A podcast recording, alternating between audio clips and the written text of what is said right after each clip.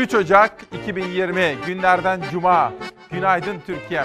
Çok kıymetli, değerli Çalarsat ailesi günaydın. Okula gitmek üzere uyanan, hazırlıklarına başlayan çocuklarımıza günaydın diyorum. Bugün İsmail Küçükkaya ile Demokrasi Meydanı'nda özel, anlamlı sabahlardan bir tanesi. Çünkü Doğu Akdeniz iyiden iyiye ısındı. Ama onunla sınırlı değil. Aynı zamanda Orta Doğu iyiden iyiye ısındı.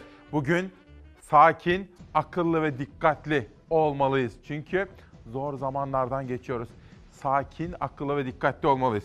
Bakın bu gazete böyle bir manşet atmış. Kapıyı o açtı diyor. Albayrak grubunun gazetesi Yeni Şafak'ta. Burada bir komutanın adı var. İran'ın artık dünya çapında tanınan bir komutanı Süleymani. Çok önemli bir isim. Fakat gazete bu sayfayı yaparken gazete matbaaya gittiği zaman bu kişinin öldürüleceğini bilmiyordu. Fakat bazen gazetecilikte böyle olur.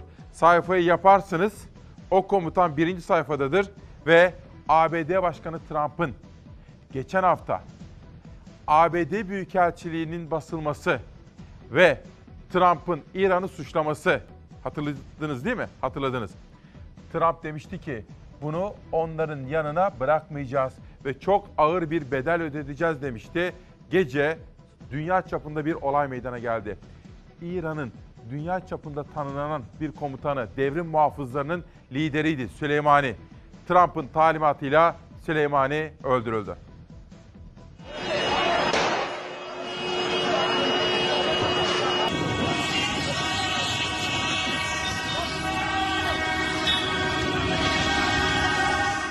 Amerika Birleşik Devletleri Irak'ta İran destekli Haçlı Şabi örgütünün konvoyuna saldırı düzenledi. Füze saldırısında İran Devrim Muhafızları Ordusu'na bağlı Kudüs Gücü Komutanı Kasım Süleymani öldürüldü. Tahran saldırıyı savaş nedeni olarak tanımladı.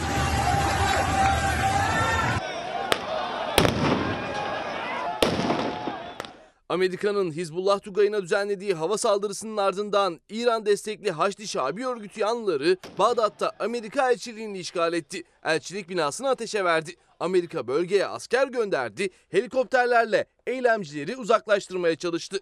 Haçlı Şabi örgütü destekçilerine eylemleri sonlandırın çağrısı yaptı. Göstericiler bölgeden çekildi.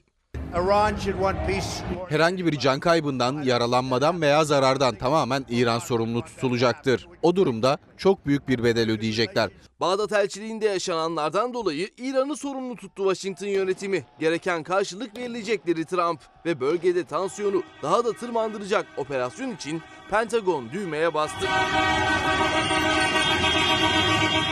Amerika Birleşik Devletleri Irak Uluslararası Bağdat Havalimanı yakınında İran'dan gelen bir heyeti karşılamak için havalimanı yolunda bulunan Haçlı Şabi konvoyuna füze saldırısı düzenledi. Amerika'nın düzenlediği saldırıda İran'ın ülke dışındaki operasyonlarını yöneten İran Devrim Muhafızları Ordusu'na bağlı Kudüs Gücü Komutanı Kasım Süleymani öldü. Hemayet az millet Yine aynı saldırıda İran destekli Haçlı Şabi örgütü başkan yardımcısı Ebu Mehdi el Mühendis ve Haçlı Şabi halkla ilişkiler ve protokol sorumlusu Muhammed Rıza Cabiri öldürüldü.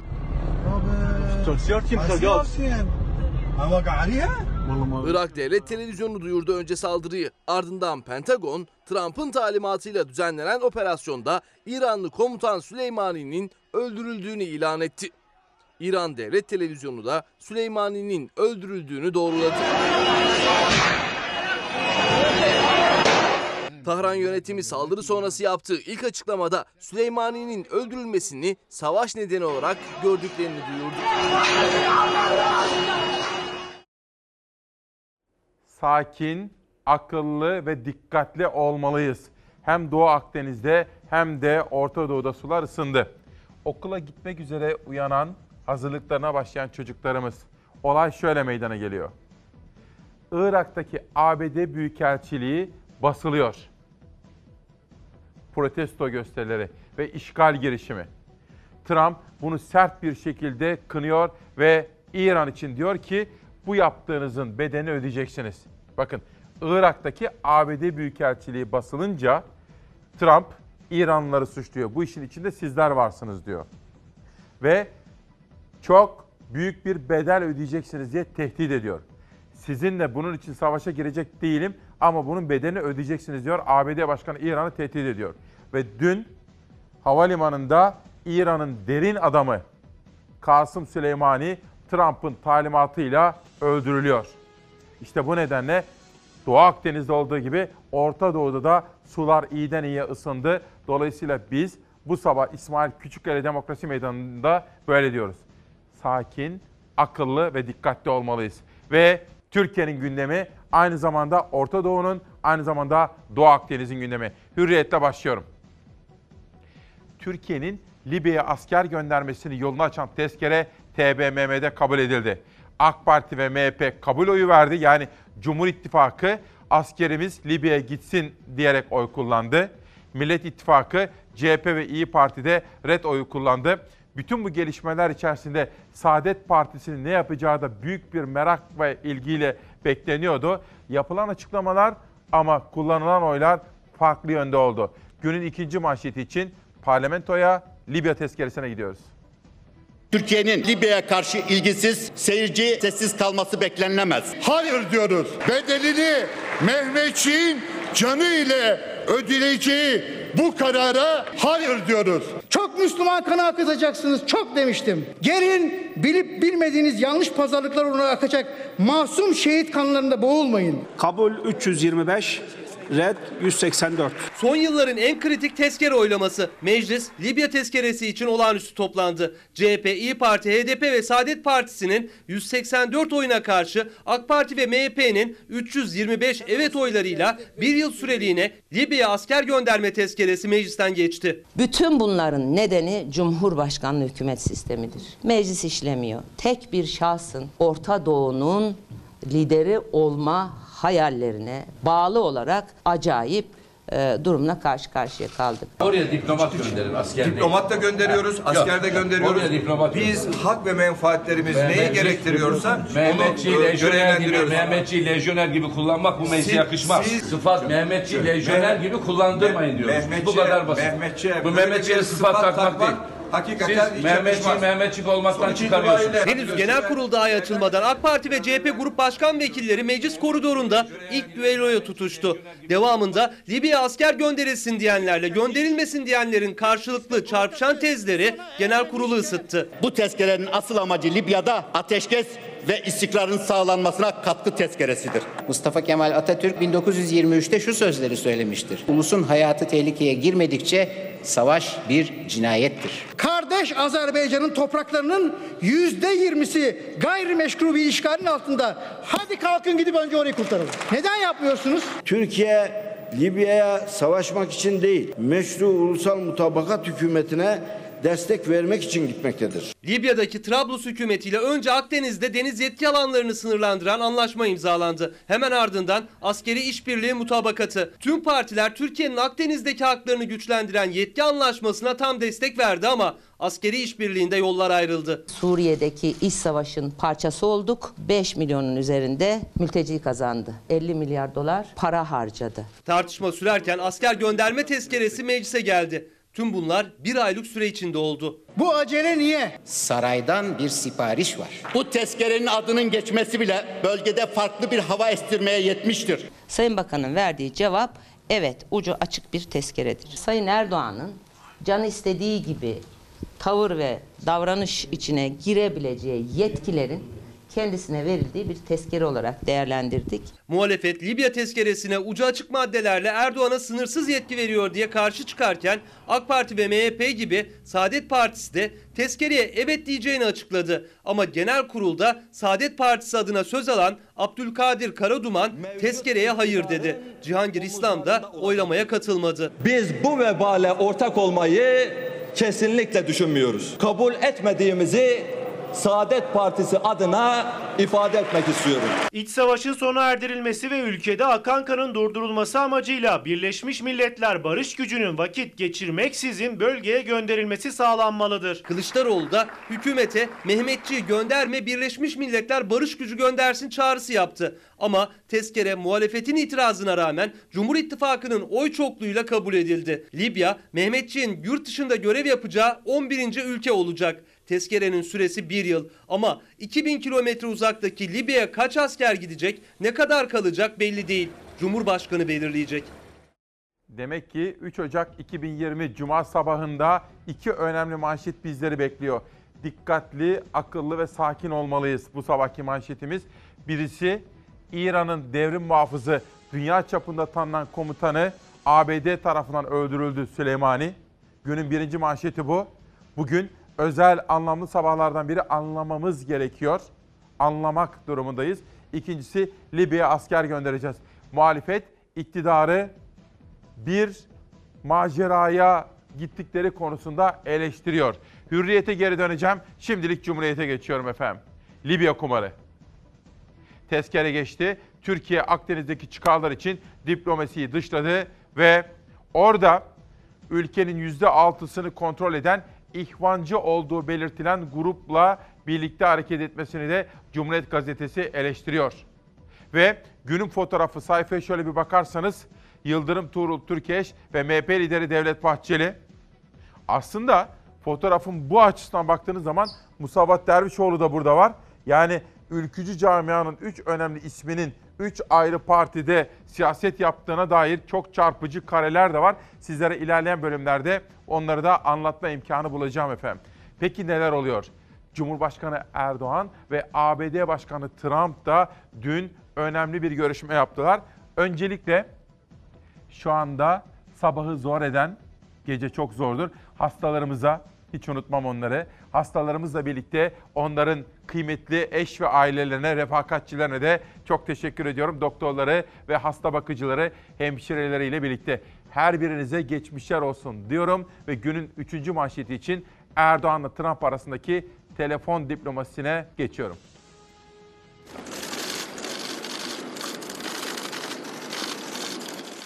Libya'ya asker gönderme tezkeresi sonrası Cumhurbaşkanı Erdoğan Amerika Başkanı Trump'la görüştü. Görüşmede iki lider Libya'da ve Suriye'de yaşanan gelişmeleri ele aldı. İşbirliğini güçlendirme konusunda anlaştı. Libya'ya asker gönderilmesinin önünü açan Libya tezkeresi mecliste kabul edildikten dakikalar sonra Ankara-Washington hattında telefon diplomasisi kuruldu. Cumhurbaşkanı Recep Tayyip Erdoğan, Amerika Başkanı Donald Trump'la görüştü. Erdoğan ve Trump önce ikili ilişkileri ele aldı. Cumhurbaşkanı Irak'ın başkenti Bağdat'ta Amerikan elçiliğini hedef alan eylemleri üzüntüyle takip ettiğini, eylemlerin son bulmasından duyduğu memnuniyeti iletti. İki lider bölgesel konulara da değindi. Diplomasinin öncelik olduğu konusunda mutabık kaldılar. İkili ilişkilerde ise birlikte kazanmak için işbirliğinin güçlendirilmesi konusunda anlaştılar. Beyaz Saray'dan da görüşmeye dair bir açıklama yayınlandı. Açıklamaya göre görüşmede Trump dış müdahalelerin Libya'daki durumu karmaşık hale getirdiğine işaret etti. Atılacak ortak adımları değerlendirdi. Sakin, akıllı ve dikkatli olmamız gereken zamanlardan geçiyoruz efendim. Uyanan siz çok kıymetli Çalarsat ailesi, oğlum dualarımızdasınız diyen Hatice anneye teşekkür ediyorum. Ellerinizden öperim. Ve EYT'li Ercan, İsmail Bey önceden gündem değiştirmek için çalışırlardı, uğraşırlardı. Şimdi buna bile gerek yok diyor. Sakin, akıllı ve dikkatli olmalıyız diyor. EYT'li Ercan bana yolladığı mesajda. Hürriyet'le Cumhuriyet'e döneceğim. Bir de Sabah gazetesine bir bakalım. Sabah gazetesinin manşetinde 109 yıl sonra Mehmetçiğe Libya nöbeti. Atatürk ve Enver Paşa'nın İtalyan işgaline karşı direnişinden 109 yıl sonra Türk askerine Libya vizesi veren tarihi tezkere mecliste kabul edildi diyor. İlerleyen bölümlerde Cumhurbaşkanı Erdoğan'a bu konudaki açıklamalarını ve özellikle kentlerdeki site yaşam biçimine dair eleştirilerini de sizlere anlatma imkanı bulacağım. Sabaha da döneceğim. Hürriyete dönmek istediğim gibi sabahın da ikinci manşetleri var ama hemen şöyle bir sözcüğe bir bakalım. Sözcüğün manşetinde acaba bu sabah hangi haber var? Devletin ajansı Anadolu Ajansı'ndan FETÖ taktiği. Sözcü davası ile ilgili İngilizce haberde yıllardır FETÖ'cülerin yaptığı gibi algı operasyonu yaptılar. Nitekim bugün Sözcü gazetesinin yazarı Aytunç Erkin, FETÖ ile mücadele konusundaki çelişkilere dikkat çeken yazısında Anadolu Ajansı'nın sıklıkla Sözcü gazetesine yönelik bir algı operasyonu yaptığını ve bunun geçmişteki FETÖ taktiklerine çok benzediğini yazmış bu sabahki yazısında. Biz, biz İsmail Küçükkaya ile Çalar Saat ailesi, mesela okula gitmek üzere hazırlanan çocuklarımız, hepimiz aynı zamanda dünyada yaşanan gelişmeleri de yakından ve dikkatle sakin sakin takip ediyoruz.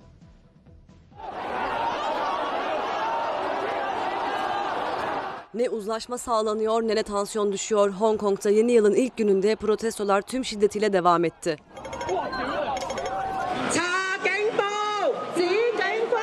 Victoria Park'ta toplanan binlerce kişi polislere soruşturma açılması ve tutuklananlara af çıkması için kitlesel yürüyüş başlattı. Hong Kong'ta suçluların Çin yasalarına göre yargılanmalarına yönelik tasarı halkı sokağa dökmüştü. Tasarı 23 Ekim'de resmen geri çekilmesine rağmen protestoların ardı arkası kesilmedi. Hükümetten demokratik reform taleplerinin yerine getirilmesi isteniyor. Kentte siyasi reform sürecinin yeniden başlatılması talepler arasında yer alıyor. Günlerdir alışveriş merkezinden çıkmayan burada polisle çatışan protestocular yeni yılın ilk gününde taleplerinin yerine getirilmesi için kitlesel bir hareket başlattı.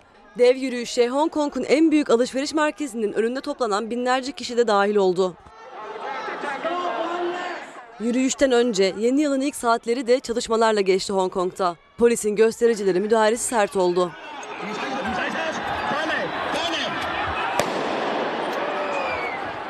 Hong Kong 2020'ye biber gazı ve tazikli suyla girdi. Ankara'dan esnaf kardeşim büfeci İbrahim de uyanmış. Bütün esnaf kardeşimize İbrahim Bey'in şahsında hayırlı işler dileklerinde bulunmak istiyorum. Yine Ankara'dan Elmas Yılmaz bizimle. Ahmet Yıldız da İsmail Bey Libya'daki iç savaştan bize ne diye bir soru yöneltiyor efendim. Dün CHP lideri de Yemen türküsü paylaştı ve ta Yemen türkülerindeki Yemen'den bize ne şeklindeki yaklaşımları tarihimizden alıntılar yaparak Libya konusunda hükümeti uyardı CHP lideri Kılıçdaroğlu. Sözcüden bir haber daha sonra geçelim başka bir manşete. Eğitimde acı tablo. Milli Eğitim Bakanlığı kendini denetledi. Bakanlık ders kitapları, öğretmenler ve yurt binalarını inceledi. Şu sonuç çıktı. Kitaplar ağır. Kitaplar ağır ama içi boş. Öğretmenler eğitilmiyor. Yurt binaları riskli diyor. Hemen yanında bir haber daha var. Sultan Çağar imzalı. Sözcü gazetesindeki bu haber. Hangi liseli daha mutsuz? Türkiye'de 6890 öğrenciye kendini okula ait hissediyor musun diye soruldu. Anadolu Fen ve Meslek liselerde hayır yanıtı %29'u geçmezken İmam Hatipler'de %54 oldu. O zaman ben öğrenci kardeşlerime seslenmek istiyorum. Her şey sizler için. Sizler huzur içerisinde, rahat bir ülkede, güzel bir ülkede yaşayın diye yapıyoruz her şeyi. Peki hayatınızdan umutlu musunuz geleceğinizden? Umutsuzluğa kapılmak yok. Sizler yeter ki derslerinize iyi çalışın, sorgulayan bireyler olun. Ülkemizin kurucu önderi Gazi Mustafa Kemal Atatürk'ün bizlere emrettiği gibi kula kulluk yapmayalım. İtaat eden değil, düşünen, sorgulayan, annesine babasına, evlatlarına, öğretmenlerine, doğup büyüdüğü iline, ilçesine, köyüne ve memleketine ve dahi insanlığa hayırlı bireyler olalım. Ama bunun için kafaları çalıştırmamız gerekiyor diyelim. Ve günün ilk sorusunu sizlere sormak isterim. Bir gazeteci veya bütünüyle gazeteciler özgürce konuşuyorlar ise, korkmadan bağımsız ve tarafsızca görevlerini yapıyorlar ise bu en çok kime yarar? Türkiye'deki medyayı bugün konuşmak istersek üst başlığımız ateş çemberindeyiz dememiz lazım. Cumhurbaşkanlığı alanı, haber alanı gazeteciler için 2019'da da yine kısıtlı alan olmaya devam etti. Basın toplantılarında yine danışmanları marifetiyle önceden gazetecilerden sorular istendi. Sakıncalı bulunan soruların sorulması yasaklandı. Soruya vize verilmedi. 2019'un basın raporunu işte bu başlıkla verdi basın konseyi. Soru sorma hakkı elinden alınan, eleştirel gazetecilik yapmasına izin verilmeyen gazetecilerin ve gazeteciliğin yaşadığı sorunların tek tek altı çizildi. Geçmiş yılın değerlendirilmesi yapıldı. Özgürlük karnemiz içe ise utanç verici bir noktaya geldi. Dünya Basın Özgürlüğü Endeksinde 180 ülke arasında 157. sıradayız. Basın Konseyi Başkanı Pınar Türenç, Türkiye'de haberciliğe yönelik kısıtlamaları ve tek sese dönüşmeye başlayan gazeteciliği eleştirdi. Konseyin verdiği mücadelenin altını çizdi. MİT tırları haberine getirilen yayın yasağının kaldırılmasına ilişkin başvurumuz Anayasa Mahkemesi'nce bu yıl sonuçlandırıldı ve yayın yasağı kaldırıldı. Baskı altında yapılmaya çalışan gazetecilik mesleğini yaparken özgürlüğü kısıtlanan, saldırıya uğrayan gazeteciler toplantının ana gündem maddeleriydi. En son gazeteci Murat İde geçtiğimiz günlerde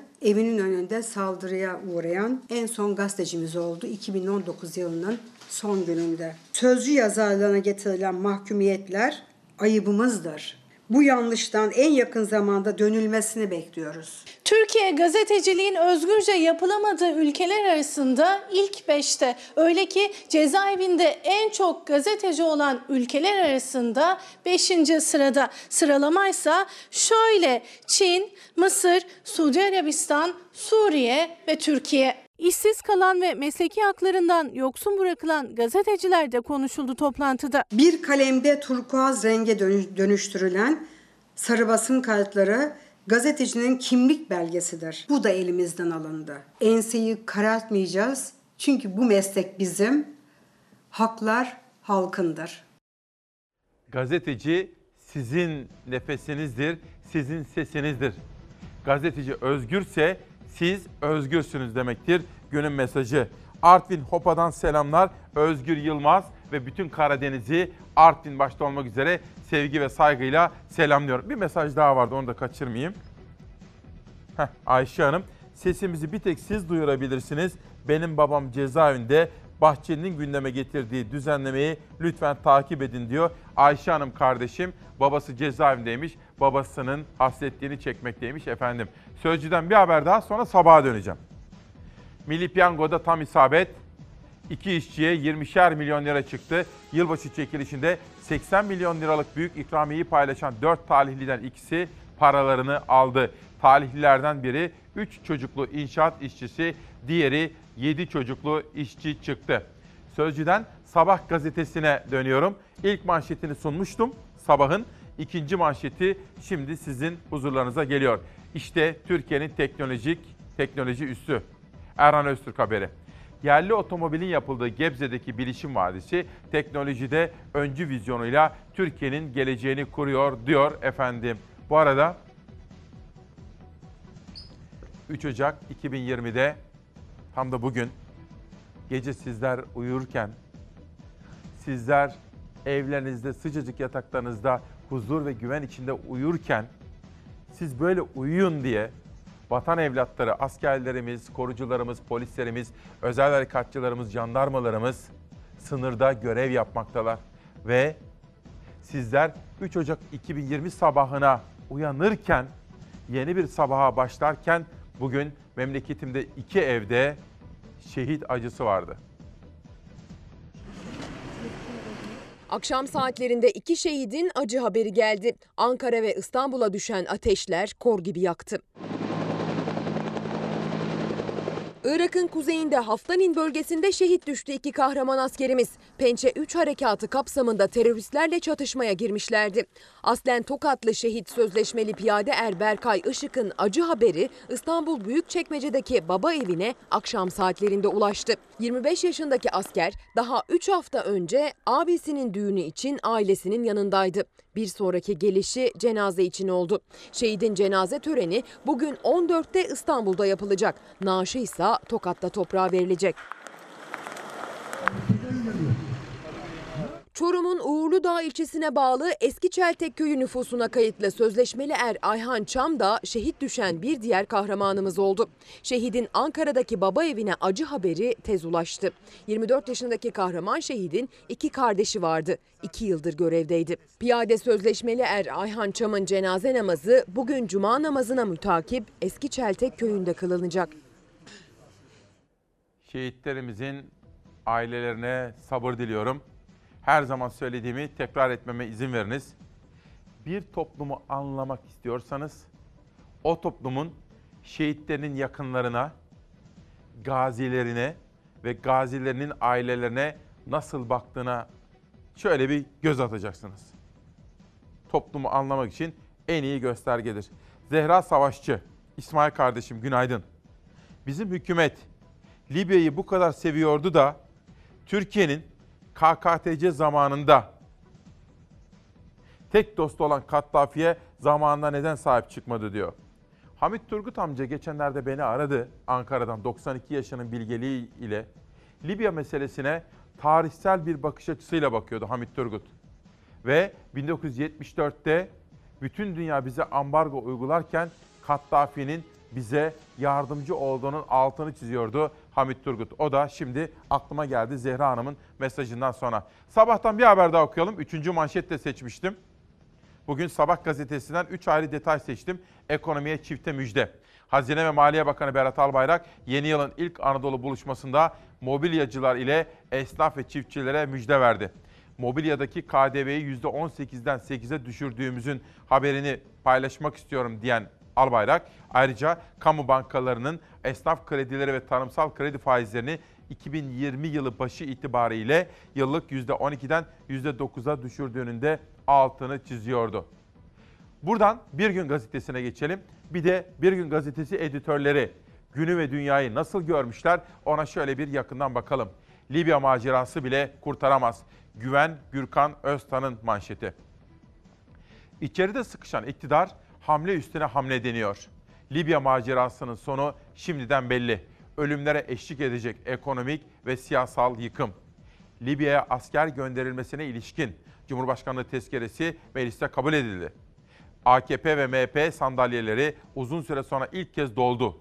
CHP ve İyi Parti çok uzun aradan sonra ilk kez bir tezkere oylamasında hayır oyu kullandı. Muhalefetin ortak tutum alması sonucu değiştirmedi. Libya tezkeresini değerlendiren Bir Gün gazetesinin yazarı ve siyaset bilimci Güven Gürkan Öztan, iktidar bloğunun iç politikada yaşadığı sıkışmayı aşmak amacıyla böyle bir hamle planladığını söyledi. Öztan şöyle konuştu. AKP'nin temsil ettiği siyasal İslamcı politikanın Orta Doğu'da çıkmaza girmesi yalnızca iktidarın dış siyasetini çökmesi anlamına gelmiyor. Aynı zamanda iç politikadaki krizini de derinleştiriyor. Ekonomik krizin yüküyle Libya birleştiğinde iktidar için beklenenin tam aksi istikamette bir sonuç doğabilir diyor. Ben size sormak isterim. Askerimizin Libya'ya gitmesine siz nasıl bakıyorsunuz? Türkiye Cumhuriyeti'nin yurttaşları, vatandaşlar, Mehmetçiğin Libya'ya gitmesi, gönderilmesi kararına siz nasıl bir yorum getiriyorsunuz? Bana yazarsanız ben de öğrenme imkanı bulun, bulurum efendim. Haber yolculuğumuzda biraz sonra yerel medyadan çok farklı illerimize de gideceğim. Bir kanlı pusu için şimdi İzmir'e gidiyoruz. Pusu kurdular, yoldan geçen otomobile kurşun yağdırdılar. O sırada olay yerinde bulunan iki kişinin ölümüne neden oldular. Ben ikisinin bu tarafa kaçtığını gördüm. Buradan koşturdular ama. Silahlı saldırı saat 23 sularında İzmir'in Karabağlar ilçesinde yaşandı. Cadde üzerinde pusu kuran grup sokaktan çıkan beyaz renkli otomobile ard arda ateş etti. Otomobilin sürücüsü gaza basarak kaçmayı başardı. Pideci çocuk paket getirmiş.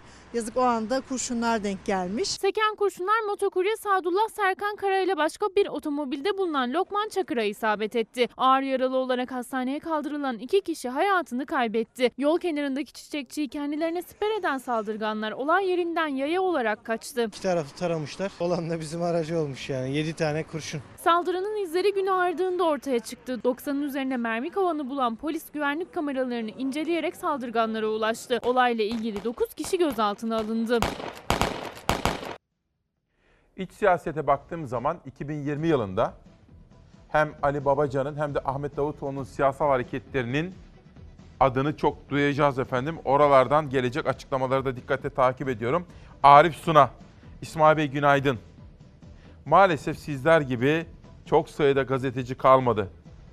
İktidardan çekindikleri için, eleştirmeye cesaret edemedikleri için gerçek ve tarafsız haberciliği yalnızca sizlerden iyi izleyebiliyoruz. İyi ki varsınız diyor Arif Suna. Bugün gazeteci yazarlara baktığım zaman Akit gazetesinde Dilipak İstanbul'da AK Parti'nin seçimi kaybetmesinin hayır mı şer mi olduğunu şimdiden bilinemeyeceğini, belki AK Parti için bir öz eleştiri, bir toparlanma, bir uyarı olabileceğini söylüyor. Ama tabii ders alınırsa, biz nerede hata yaptık diye düşünürler ve o hatalardan dönerlerse gayet tabii ki sonuçlar değişebilir. Ama iktidara baktığımız zaman o hatalardan ders alıp almadığını tam anlayamıyorsunuz. Mesela nasıl? Aklınıza gelebilir. Kanal İstanbul. Şu. Benim dediğim dedik, çaldığım düdük. Böyle olmaz. Çatlasanız da patlasanız da yapacağız. Böyle olmaz. İsteseniz de istemeseniz de yapacağız. Böyle olmaz. Yapılabilir. Konuşarak, tartışarak, istişare yaparak, seçilmiş belediye başkanıyla da tartışarak, bilim adamlarını da dinleyerek özgür tartışma ortamında. Çünkü ülke bir kişinin değil, bir partinin değil, ülke hepimizin. Eşit yurttaşlarız, özgür bir ülkede hak sahibi vatandaşlarız. Böyle olur. Yoksa Dilipak'ın dediği gibi İstanbul seçimini neden kaybettik diye AK Parti bir öz eleştiri yapar ve o güne kadarki hatalarından ders alır. O hataları tekrar etmezse gayet tabii ki kendileri açısından hayırlı sonuçlar çıkacaktır. Bir günden bir haber daha gelsin. Ekonomik yangın kontrolden çıktı. Emekçiler borç batağında, maaşlar hacizli. Esnaf, sigorta, yurttaşlar ise genel sağlık sigortası primlerini dahi ödeyemez durumda diyor. Mesela ben merkezi yönetim yerinde olsam İstanbul'a diyelim başka bir partiden belediye başkanı da gelmiş. Bu kadar da büyük oy almış. Kanal İstanbul'u yapmak yerine yani parayı betona gömmek yerine bekleyen İstanbul depremi için tedbir alırdım mesela. Deprem toplanma alanları ne oldu diye şöyle bir tartışırdım. Çağırırdım belediye başkanını. Gel şu meseleyi tartışalım. Çünkü efendim Allah gecinden versin. Ama kaçınılmaz. İstanbul'a büyük bir deprem gelecek. Eğer biz böyle gidersek, o ağır bedeli ödersek ne bu iktidar kalır ne bu muhalefet kalır bakın. Siyaset sınıfı çok topyekün o enkazın altında kalır. Benden söylemesi. Şu anda önünde bulunduğumuz yerde gerçekten trajikomik bir afet toplanma alanıdır. Böyle bir yer olamaz, olmamalıdır. Biri sadece 8, diğeri 15 metrekare. İkisinin de adı deprem toplanma alanı. Belki 10 kişi falan ancak sığabilir bu alana. Evet, evet. Birçok kentte maalesef aynı sorunu yaşıyoruz. Toplanma alanları özellikle büyük şehirlerde her deprem sonrası en çok tartışılan konulardan biri oldu. İstanbul'da geçen Eylül ayında meydana gelen 5.8'lik depremin ardından da sıkça gündeme geldi. Acil toplanma alanlarının yetersizliği defalarca masaya yatırıldı. İstanbul başta olmak üzere birçok ilde düzenlemeye gidildi. Ancak Antalya'da belirlenen iki toplanma alanı bu konunun ne kadar ciddiye alınması gerektiğini çarpıcı şekilde ortaya koydu. İlk deprem toplanma alanı Antalya Atatürk Devlet Hastanesi'nin bahçesinde yer alıyor. Etrafı demir bariyerle çevrili, ortasında bir palmiye ağacı dikili. En fazla 8 metrekarelik bir alana sahip. Buralar kesinlikle uygun yerler değil. Esasında bu e, birçok yer uygun değil bana göre. Şimdi burada bakacak olursak buradaki insanlar kaç kişi burada toplanabilecek acaba? Toplanan insanlarımız burada hangi ihtiyaçlarını giderebilecek? İkinci toplanma alanı ise Antalya Kültür Sanat Merkezi ile bir iş merkezinin arasında. O da yaklaşık 15 metrekare. Alanın darlığı bir yana yüksek binaların arasında kalması da düşündürücü. Kişi başına 2 metrekare düşmesi gerekmektedir. Yüksek binaların yanında deprem toplanma alanı olarak e, tespit ele- edemezsiniz. Maalesef afet e, afetlere gereken ilgiyi göstermiyoruz. Sanırım burada biraz kadercilik var. İnşaat Mühendisleri Odası Antalya Şube Başkanı Mustafa Balcı'ya göre durum hem komik hem de trajik. Sorunun çözümü için de bir önerisi var. Özellikle e, okul bahçelerinin e, yeteri kadar alana sahip olduğunu düşünüyoruz. Artı okul fiziki şartlarının da hem barınma, hem su, hem tuvalet ihtiyaçlarını karşılayabilecek nitelikte olduğunu düşünüyoruz. Genç bir hukukçu kardeşim Hürriyet İşgüzar uyanmış ve Türkiye'mizin hak, hukuk, adalet yolunda ilerlemesi için görüşlerini bizimle paylaşmış. Alparslan, Murat Alparslan da günaydın İsmail Bey. Hem Libya'ya asker gönderilmesi hem de Kanal İstanbul için bir dijital anket oluştursa fena mı olur diyor. Günaydın Türkiye'm. 3 Ocak 2020 günlerden cuma hastalarımıza geçmişler olsun dediğimiz onlarla ilgilenen fedakar doktor ve refakatçilerini, hemşire ve hasta bakıcılarını unutmayıp selamladığımız bu özel sabahta Amerika ile İran arasında Orta Doğu'da meydana gelen sıkışma, kızışma ve İran'ın dünya çapında tanınan komutanı Devrim Muhafızı Süleymani'nin öldürülmesi. Orta Doğu iyiden iyiye sıkıştı ve biz bu sabah manşetimizi şimdi bir kere daha size tekrar etmek istiyorum. Sakin, akıllı ve dikkatli. Sakin, akıllı ve dikkatli olmalıyız. Bir günden bir haber daha gelsin. Milyonlarca gencin umutlarını çaldınız. İşte bugün bu konuyu çok detaylı olarak sizlerle konuşma imkanı bulacağım. Hak yediler. Neyse ki Ankara'da bazı savcılar vardı da devletine bağlı, ülkesine bağlı. Neyse ki o savcılar bu gelişmeleri dikkatle takip ediyorlar.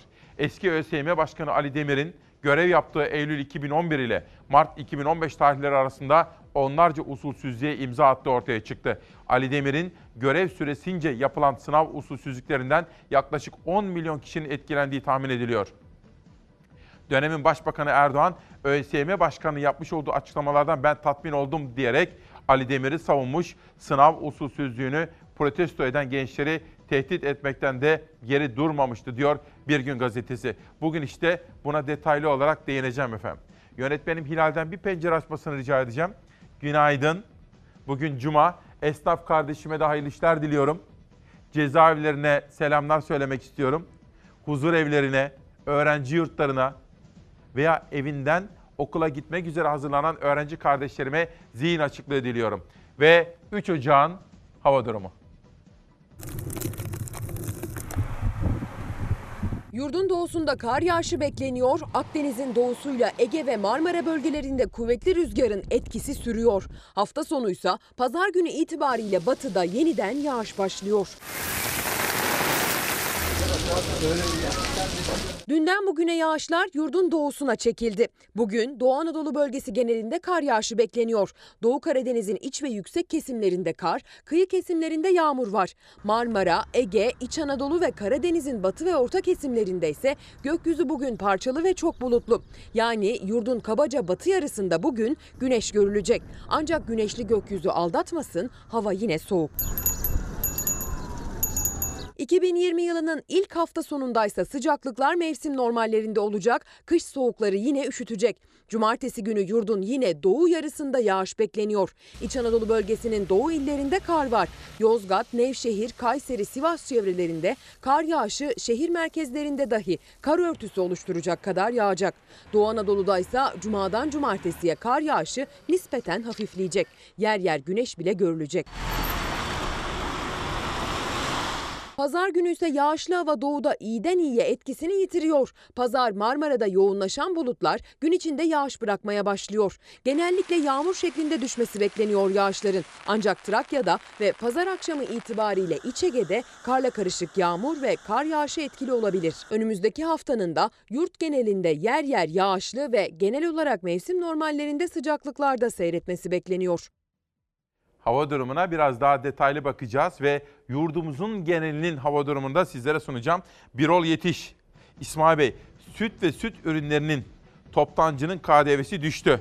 Raflarda da fiyatların düşmesi gerekmez mi? Halkımızın bilgilendirilmesi gerekmez mi diyor Birol Yetiş. Haklı ve yerinde bir uyarı. Bir günden Pencere gazetesine geçiyorum. Nedenini kimse anlamadı.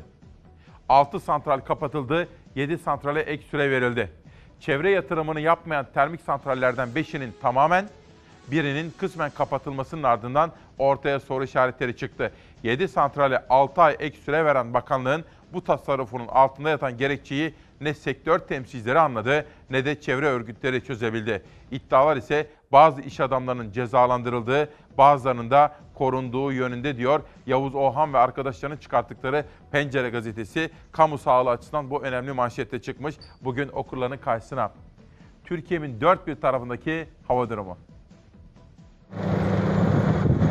Kar doğuda yolları kapattı, İstanbul'un yükseklerinde sürpriz yaptı. Ayder Yaylası'ndaysa kar altında horon keyfi vardı. Rize Çamlıhemşin'e bağlı doğa harikası Ayder'de kar yağışı etkili oldu. Yeni yıl tatili için Ayder'i tercih edenler kar altında horon oynadı. Tulum ezgileri eşliğinde kar manzarası bambaşkaydı. Rize Ovit Yaylası'ndaysa kar kalınlığı 60 santimetreye ulaştı.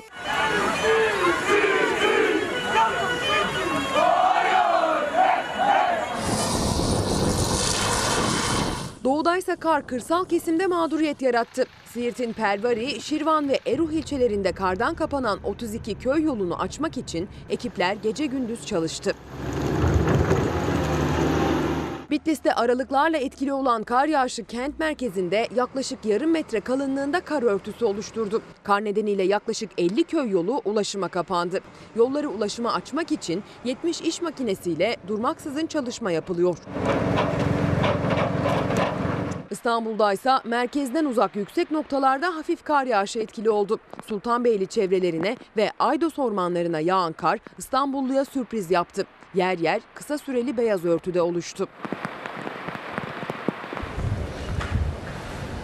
Mersin'de ise bazı ağaçlar dengesiz giden mevsim koşullarına aldandı, meyve verdi. Geçtiğimiz günlerde kuvvetli sağanakların etkili olduğu bölgede sıcaklıklar Türkiye ortalamasının üzerinde seyrediyor. Ülke genelinde kış yaşanırken Mersin'de asma ağaçlarında salkım salkım üzüm var. Yeni yıla girdik. Yeni yılda her tarafta kar, yağmur varken Tarsus'ta güneş var ve asmamızda üzümlerimiz duruyor. Efendim bugün 3 Ocak. Mersin'i ne kadar sevdiğimi, Toroslardan ne kadar memnun olduğumu bilirsiniz. 3 Ocak için Mersin'i Kurtuluş Günü'nde Mersin'i Torosları sevgi ve saygıyla selamlıyoruz. Cumhuriyet kenti Mersin ve Toroslar'da bugün düşman işgalinden Kurtuluş Günü. Oradaki bütün izleyenlerimize de sevgilerimizi sunuyorum. Pencereden Karar Gazetesi'ne geçiyorum. Bir ekonomi haberi gelecek şimdi. Mehmet'in gaz faturası niye yüksek? İbrahim Kahveci analiz etmiş. Türk akımı boru hattı doğalgaz fiyatlarını gündeme getirdi. Rus gazının Türkiye üzerinden Avrupa'ya taşınacak olmasına rağmen vatandaşın gazı Avrupa'dan daha pahalı kullanması soru işaretlerine yol açtı. Ve kuruş kuruş hesap etmiş. Biz acaba doğalgazı neden pahalı kullanıyoruz? Efendim bugün tarih ve takvim yaprakları 3 Ocak 2020'yi ayrı yazacak. Çünkü önce Albayrak grubunun gazetesi bugün bir tesadüf ama onlar için şanslı bir tesadüf olmuş. Kapıyı o açtı diyor. Bir komutana dikkat çekiyor. Okuyacağım. Dikkatle takip edin. Çünkü tarihi önemli bir olay. Bağdat'ta yüksek güvenlikli yeşil bölgede bulunan ABD elçiliğinin Haçlı Şabi tarafından kolayca basılması tartışılıyor. İşgalin arkasında İran'ın derin adamı Kasım Süleymani olduğu belirtiliyor. Nedeni ise 22 Aralık'ta yeşil bölgeye sorumlu atanan Tahsin El Abudi'nin Süleymani'nin Irak'taki sağ kolu olması. Bakın Albayrak grubunun gazetesi bir komutana dikkat çekiyor. Bu komutan İran'da devrim muhafızlarının dünya çapında tanınan komutanı. İran için önemli ve Irak'taydı. ABD Başkanı Trump dedi ki bizim Irak'taki büyükelçiliğimizi basanların kim olduğunu biliyoruz. Arkasında İran var. Ben bunun için İran'a savaş açacak değilim dedi Trump. Ama tehdit etti. Bunu hatırlayacaksınız sizlere sunduk. Trump dedi ki İran bunun bedelini ağır ödeyecek dedi. Ve gece saat 4'te sizler daha uyurken biz hazırlığımızı yaparken ajanslara bir haber düştü. Şu anda dünyanın dört bir tarafında en çok konuşulan olay bu olay. ABD Başkanı Trump'ın özel talimatıyla ABD güçleri Irak'ta büyük bir operasyon gerçekleştirdiler havalimanında ve orada İran'ın dünya çapında tanınan komutanı Süleymani'yi etkisiz hale getirdiler.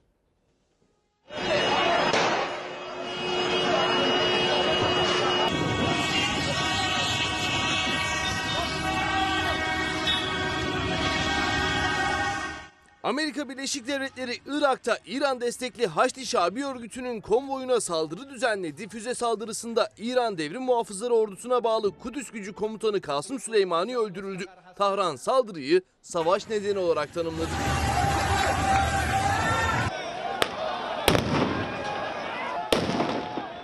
Amerika'nın Hizbullah Tugayı'na düzenlediği hava saldırısının ardından İran destekli Haçlı Şabi örgütü yanlıları Bağdat'ta Amerika elçiliğini işgal etti. Elçilik binasını ateşe verdi. Amerika bölgeye asker gönderdi, helikopterlerle eylemcileri uzaklaştırmaya çalıştı.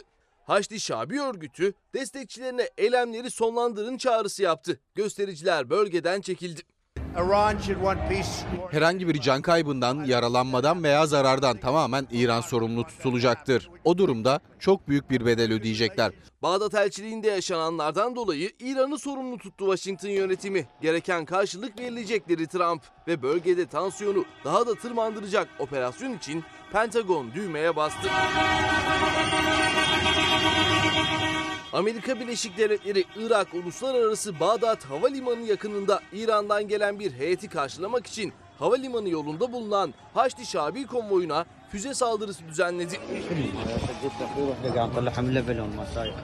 Amerika'nın düzenlediği saldırıda İran'ın ülke dışındaki operasyonlarını yöneten İran Devrim Muhafızları Ordusu'na bağlı Kudüs Gücü Komutanı Kasım Süleymani öldü. Yine aynı saldırıda İran destekli Haçlı Şabi örgütü başkan yardımcısı Ebu Mehdi El Mühendis ve Haçlı Şabi Halkla İlişkiler ve Protokol sorumlusu Muhammed Rıza Cabiri öldürüldü.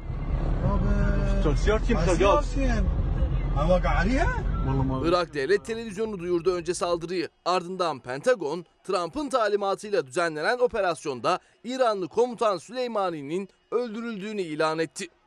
İran Devlet Televizyonu da Süleymani'nin öldürüldüğünü doğruladı.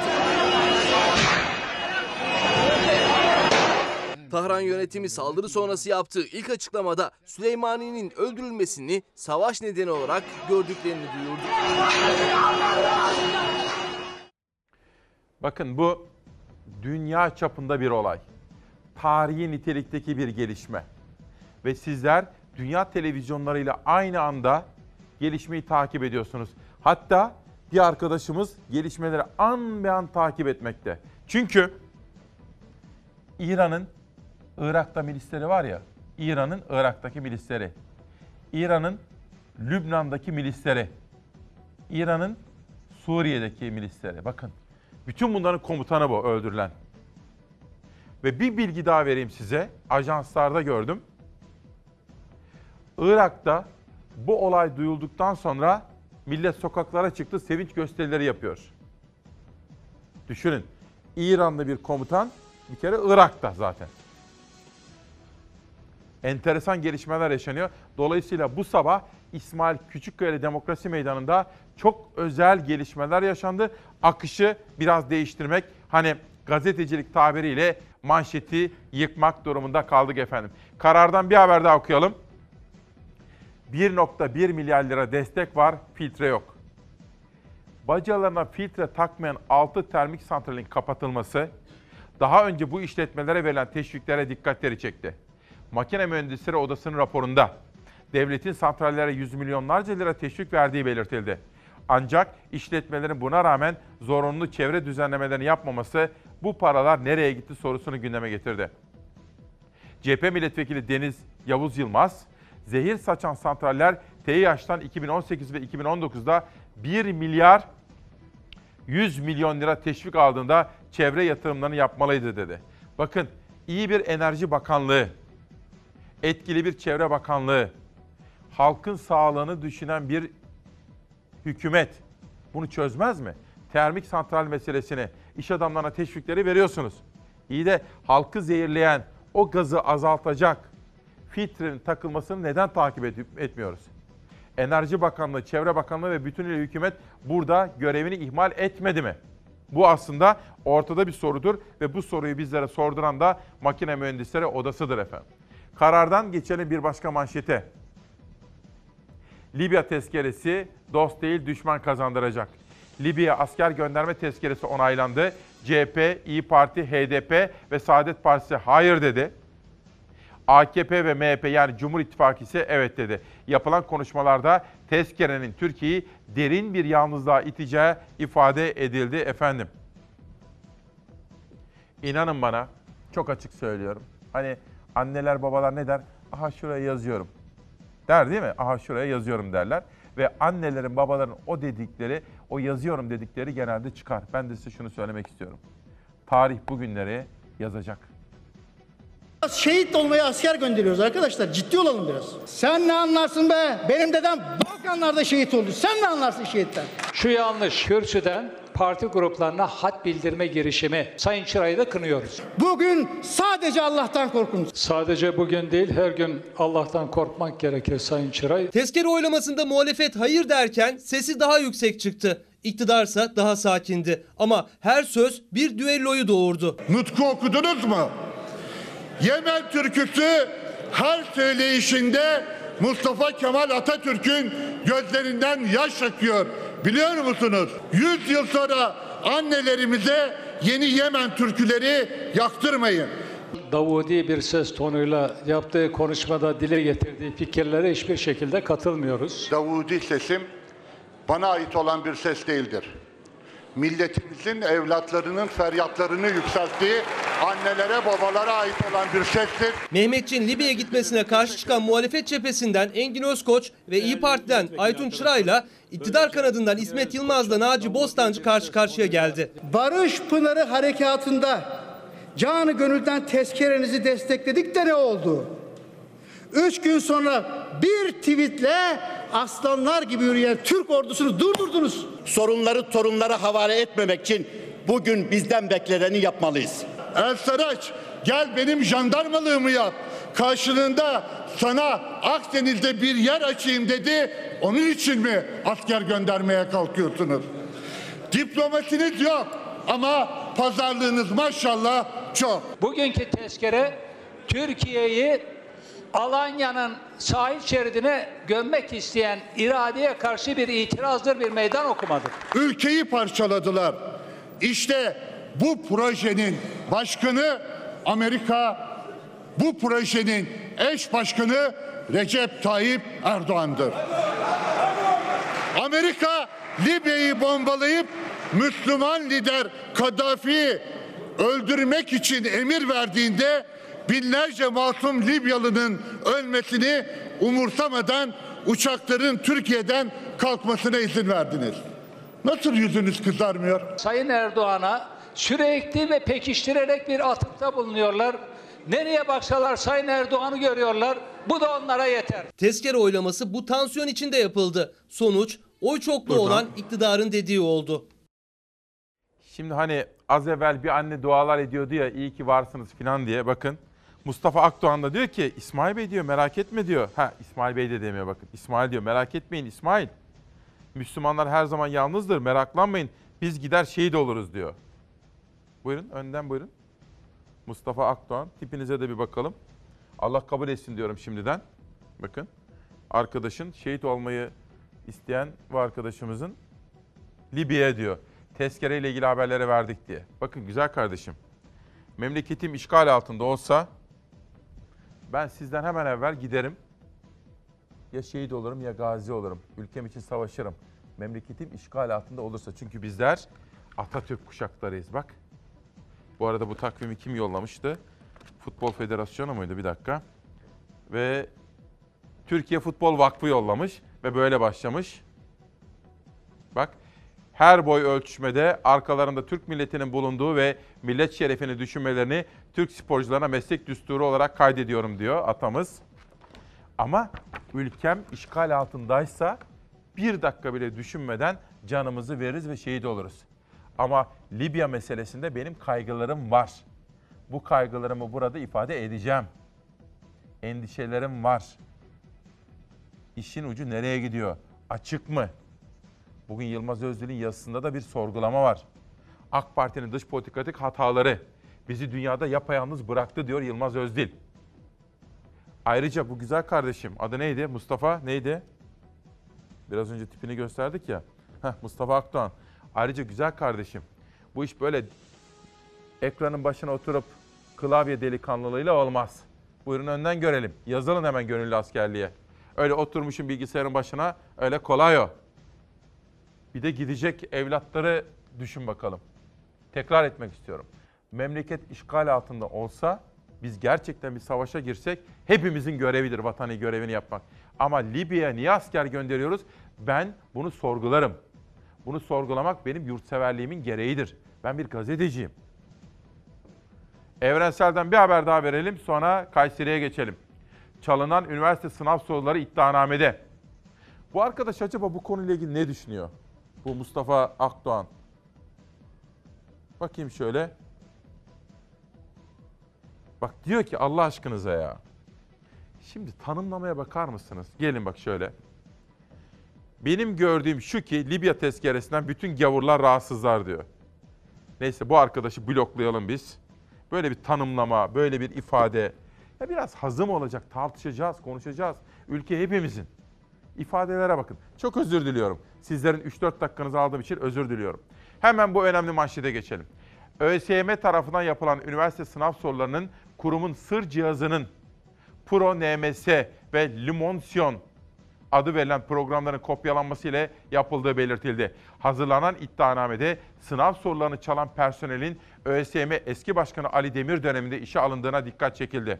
Dönemin başbakanı Erdoğan o dönemde sorularla birlikte geleceklerinin de çalındığı belirtilerek sokağa çıkan gençlere tepki göstermiş ve o zamanki ÖSYM başkanına sahip çıkmıştı.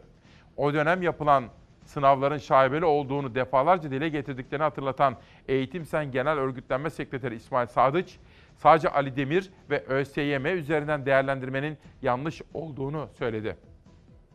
Yaşananlardan Ali Demir şahsında o dönemin hükümetinin de sorumlu olduğuna dikkat çeken Sadıç, Milli Eğitim Bakanı'ndan YÖK'e kadar herkesin dahil edilmesi gerekiyor. Tüm sorumlular gerekli cezayı almalı. Ama ülkesini seven yurttaşlar olarak bu konuyu başladığı günden itibaren dikkatle takip eden savcılar var. Onların her birine ne kadar dikkatle takip ettiklerini yakından biliyorum. Hak yiyen, soru çalan ve başkalarının hakkıyla sınav kazanan, makam mevki sahibi olanlar, onları araştırıyorlar efendim. O savcılar iyi ki varlar diyorum. Geçelim gündemin bir başka önemli konusuna. Kanal İstanbul. Kanal İstanbul yapılacak mı, yapılmayacak mı? Burası yapıldığında çok daha bir siyasi boyutu olacak ki bunu şimdi kullanmıyorum. Vakti saati geldiğinde onu da kullanırız. Zaten Montreux Antlaşması boğazlarla ilgili bir antlaşma. Şunu diyorlarsa biz çölde bir arazi bulduk. Dünyada da 50 tane kanal var. 51.yi yapacağız. Buyursun yapsınlar ama burası çöl değil. Dünyanın göz bebeği. Kanal İstanbul'un Montreux Sözleşmesi ile herhangi bir ilgisi de yoktur. Kanal İstanbul'un Montreux Anlaşması'nı tartışma açıp açmayacağı konuşulurken ÇED raporunda bir ayrıntı dikkat çekti. Küçük harflerle yazılan o bölümde Çanakkale'de Zincirbozan Gelibolu mevkiinden Saros Körfezi'ne bir kanal daha açılması öneriliyordu. Yani Ege'den Karadeniz'e geçecek bir askeri gemiye İstanbul Boğazı dışında Çanakkale Boğazı'nı da kullanmama olanağının önünü açabilecek bir öneri. Gözler bir kez daha Montreux'e çevrildi. Montreux diye ortaya atılan kavram orası için de geçerli. O zaman ne olacak? Nasıl olacak? Bakın bütün gerekçeleriyle sıkıntılı bir iş. Kanal İstanbul tartışmasının bir tarafı Ekrem İmamoğlu. Tarımla geçinen Büyükçekmece Celaliye'de köy kahvesindeydi. İmamoğlu köylülere seslendi. 135 milyon metrekare tarım alanı gidiyor. Planlama alanı büyüklüğümüz 26.500 hektar. Yerleşim alanı büyüklüğümüzde 10.000 hektar. Milyonlarca metrekare arsa satın alınmıştır. Bu arsayı satın alan insanlar buradaki değişikliği öğrendiği için alınmıştır. 3-4 yıl önceden Türkiye'de bile yokken Arap ülkelerinde filmler dönmüş, izlenilmiş, izletilmiş. Ama şu müjdeyi vereyim. İnşallah bu yanlıştan dönülecek ve inşallah bu tarım e, arazisi olan yerlerde o satın alan arkadaşlar şehir tarımına katkı sunarlar. Referanduma gidilir mi? İktidarın tavrı net. Gerekçe 2011'deki genel seçimin sonucu. İmamoğlu da 2019 seçimlerini hatırlattı. 2011 yılında Sayın Cumhurbaşkanımız biliyorsunuz Kanal İstanbul projesini halkımızla paylaştılar. Halkımızın büyük bir teveccühüyle de Cumhurbaşkanı seçildiler. Cumhurbaşkanı seçildi doğru. Sayın Cumhurbaşkanı bizim de Cumhurbaşkanımız. Ama bir de 2019'da İstanbul tarihinin en büyük oyuyla İstanbul Büyükşehir Belediye Başkanı seçildi ve ben onların sesini temsil ediyorum. Bu sesi dinlemek zorundasınız. Sormak lazım. Onlar hangi projelerini milletimizle beraber almışlar? Sayın Bakan bu konu İstanbul'un geleceği.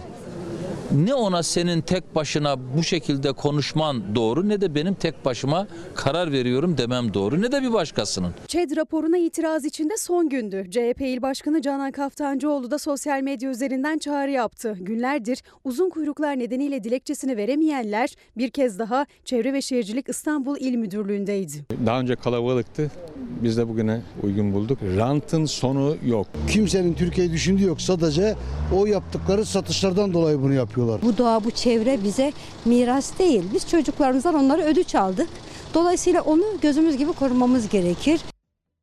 akıllı bir devlet ve hikmeti hükümet sahibi yani devlet aklına sahip bir hükümet halkının önceliklerini düşünür, iyi hesaplar, tartışma ve istişare mekanizmalarından sonra sağlıklı bir şekilde karar verir. Öncelikleri, halkının beklentilerini ve önceliklerini iyi hesaplayamayan ve kendi dediklerinde ısrar eden hükümetlerin sonu iyi değildir efendim. Yakın tarih ve siyasal bilinç bize bunu gösteriyor. Hükümete düşen şey halkının öncelik ve beklentilerini iyi hesaplamaktır. Ben sadece şunu sorarım. Kanal İstanbul şu anda bizim bütün Türkiye Cumhuriyeti vatandaşlarının önceliği midir?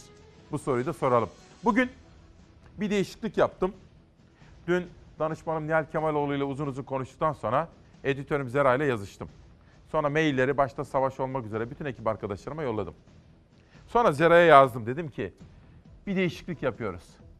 Bugünkü çalar saati Saygı Öztürk'ün köşesinden alıyoruz. Saygı Öztürk, Atilla Kart isimli Konya milletvekili, eski Konya milletvekili. Mesela onun neden tekrar milletvekili yapılmadığı da bir soru işaretidir. Bence Kılıçdaroğlu'nun bir hatasıdır. İyi isimleri milletvekili yapmaya devam etmesi gerekiyordu. Atilla Kart çok başarılı bir milletvekiliydi. Bu da Kılıçdaroğlu'nun eksi hanesine yazılır. Atilla Kart 2013 yılında ÖSYM Başkanı olan Ali Demir'e bir mektup yazmış. Bugünkü Sözcü'de Saygı Öztürk'ün köşesinde okudum ve onu bugün çalar saati aldık. Biraz sonra o çocuklarımızın hakkı nasıl yendi? Atilla Kart zamanında ÖSYM Başkanı nasıl uyardı? İbreti alem olsun diye tarihe not düşeceğiz biraz sonra. Evrensel'den geçelim yerel gazetelere. Bugün Kayseri gazetesi aldım. Bir FETÖ manşeti.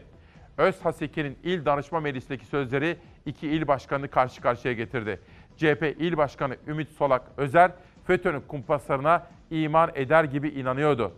CHP Kayseri İl Başkanı Ümit Özer, partisini eleştiren AK Parti Genel Başkan Yardımcısı Mehmet Özhaseki'ye tepki gösterdi.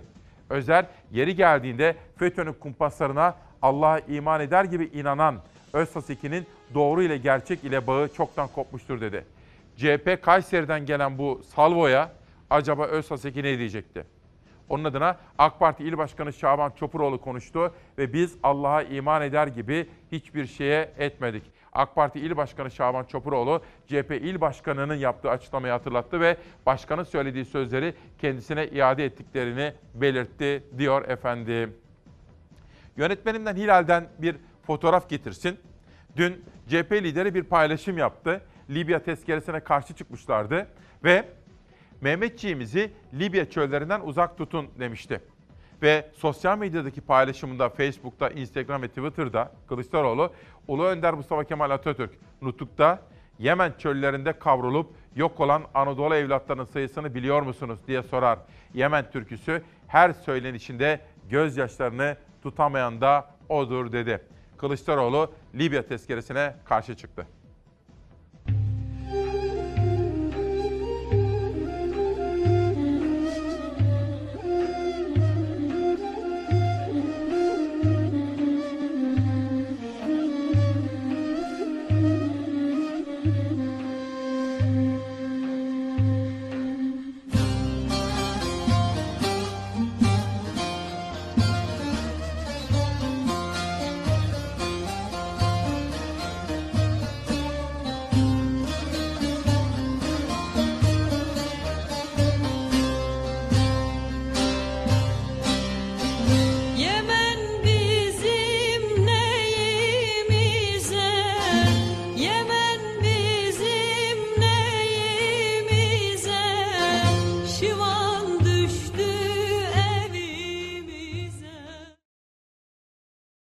Kılıçdaroğlu karşı çıktı. Sadece Kılıçdaroğlu değil efendim.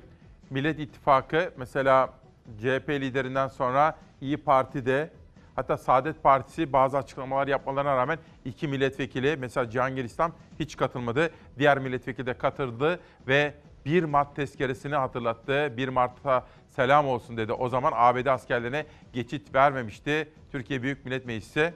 HDP de hayır dedi tezkereye. Ya da katılmadı mı HDP? Ne yaptılar? Bana bir bilgi verir misiniz arkadaşlar? Aslı Aydın Taşbaş. İdlib'de 2-3 haftadır Suriye ordusunun hava harekatı ve kuzeye doğru göç var. TSK gözlem noktalarından bazıları kuşatma altında. Ama Türk basınında tek satır çıkmıyor. İlginç değil mi? Medya hükümetin işine geldiğinde İdlib'de insani trajedi diyor. İşine gelmediğinde sus pus. Aslı Aydın Taşbaş. Cihangir İslam, Libya'ya asker gönderme konusunun görüşüleceği bugünkü TBMM oturumuna katılmama kararı aldım. Oturuma girmeyecek ve oy kullanmayacağım diyor Cihangir İslam. Dün sosyal medyada en çok konuşulan isim oldu. Fatih Yaşlı, tezkereye evet diyeceğiz diye açıklama yapan Saadet Partisi'nin meclisteki iki vekilinden biri az önce oylamaya katılmayacağını açıklamıştı Cihangir İslam. Diğeri de şimdi kürsüden hayır diyeceğini açıkladı.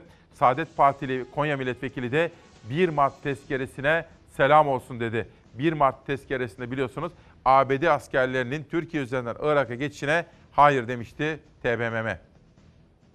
Sezgin Tanrıkulu, sevgili dostum Selahattin Demirtaş'ın herkese yeni yıl mesajı var. Serpala vi Piroz be diyor. Yeni bir yıl ve demokrasi mücadelesinde yeni bir heyecan.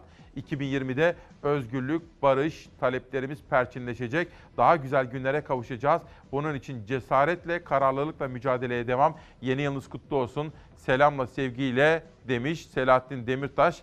Kendi el yazısıyla cezaevinde kendisini ziyaret eden Sezgin Tanrıkulu vasıtasıyla sevenlerini selamlamış. Bekir Ağırdır, gelen yılların huzur, aydınlık, adalet, özgürlük getireceğinden hiç kuşkumuz olmasın. Bu ülke hak ediyor çünkü. Yeter ki bu ülkenin insanlarına ve geleceğine ve de ortak kadere inanalım, güvenelim iyi yıllar hepimize.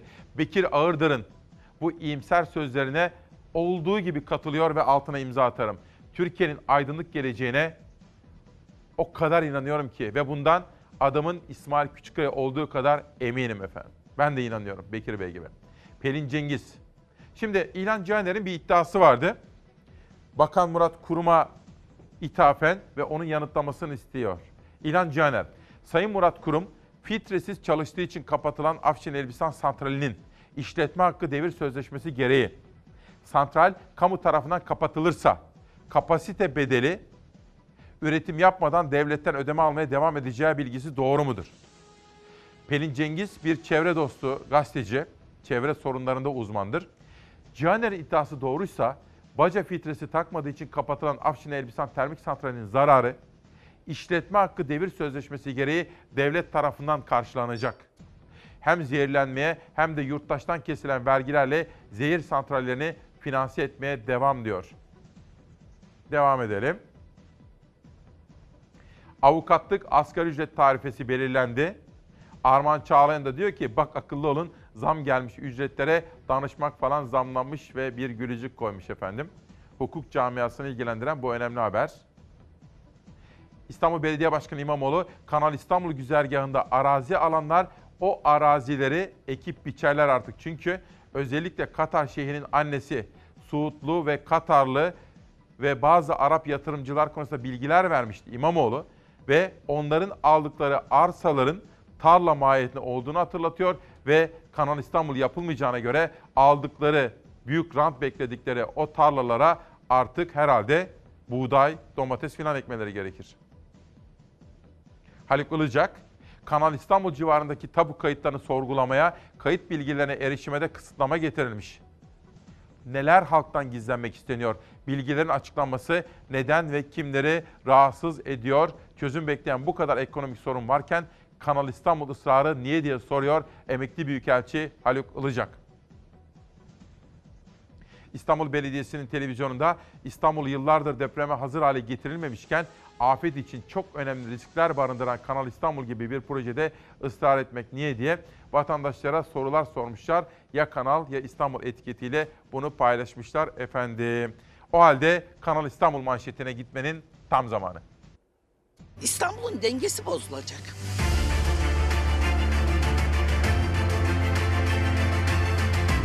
Kanal İstanbul demek kesinlikle deprem riskini tetiklemek demektir. O yüzden de tabii ki deprem riski de taşır, sel de olur, felaket de olur, dünyanın dengesi de bozulur, kıyamet gibi bir şey yaşarız.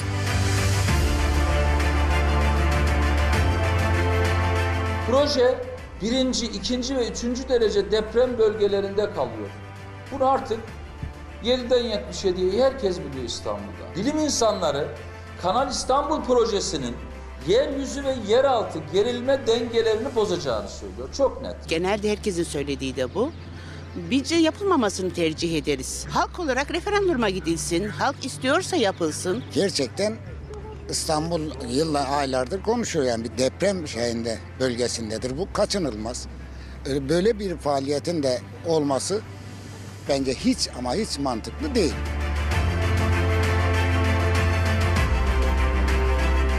Büyük bir tehdit.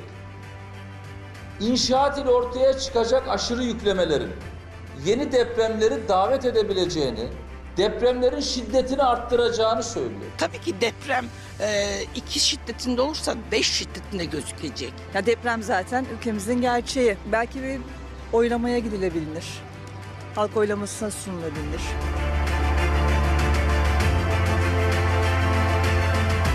Bütün orada arazi kaymış kirli toprak. Kayanın üstünde kirli toprak. Buraya nasıl yerleşim yapacağınız? Kıtayı yaracaklar, kıtaları ayıracaklar ve İstanbul'un Anadolu pardon Avrupa yakası bir adacık haline gelecek. Ne mantığa ne de vicdana. Çoğu nüfus burada. İstanbul büyük bir yer. Hepsi için endişe ediyoruz ya. İstanbul'da Balta Limanı taraflarında bir tesiste İSKİ moderatörlüğünde Ekrem İmamoğlu Kanal İstanbul konulu bilim adamlarının da katılacağı bir çalıştay düzenliyor ve konuyu gündeme getirecek itirazlarını bilimsel bir bakış açısıyla ortaya koymaya çalışacak. Bu arada bir dakika aklıma geldi. İstanbul Üniversitesi'nde öğrenci kardeşlerime yemek artık tek öğün verilecekmiş ya. Ankara'da Mansur Yavaş'ın yaptığı gibi yapsanız da Sayın Başkan İstanbul'da da. Öğrenci kardeşlerimiz aç kalmasınlar. Karınlarını sıcak çorbayla doyursunlar. Ankara'da Mansur Yavaş'ın yaptığı gibi İstanbul'da da Ekrem İmamoğlu'nun üniversiteli kardeşlerimize en azından bu günlerde, şu soğuk günlerde sıcak çorba ikram ederlerse hem çok büyük bir vatandaşlık görevini hem bir kamu görevini yerine getirmiş olurlar hem de sevap olur diyorum. Buradan Ekrem İmamoğlu ve danışmanlarına mesela Murat kardeşimize de Murat Ongun kardeşimize de buradan bu vesileyle duyurmuş olalım kendisinin basın koordinatörüne efendim. Bence önemli. Keşke Ankara'da olduğu gibi İstanbul'da da üniversite kardeşlerimize sıcak çorba dağıtsa belediye. İşte bakın bu. Bu diyor iklim krizi işte buna benzeyecek. İklim krizi işte böyle bir şey diyor. Bir aydan fazla zamandır yangın. O yangının sebebi de iklim bozulması. Kuraklık, suların çekilmesi, dünyayı bekleyen büyük kriz, iklim krizi.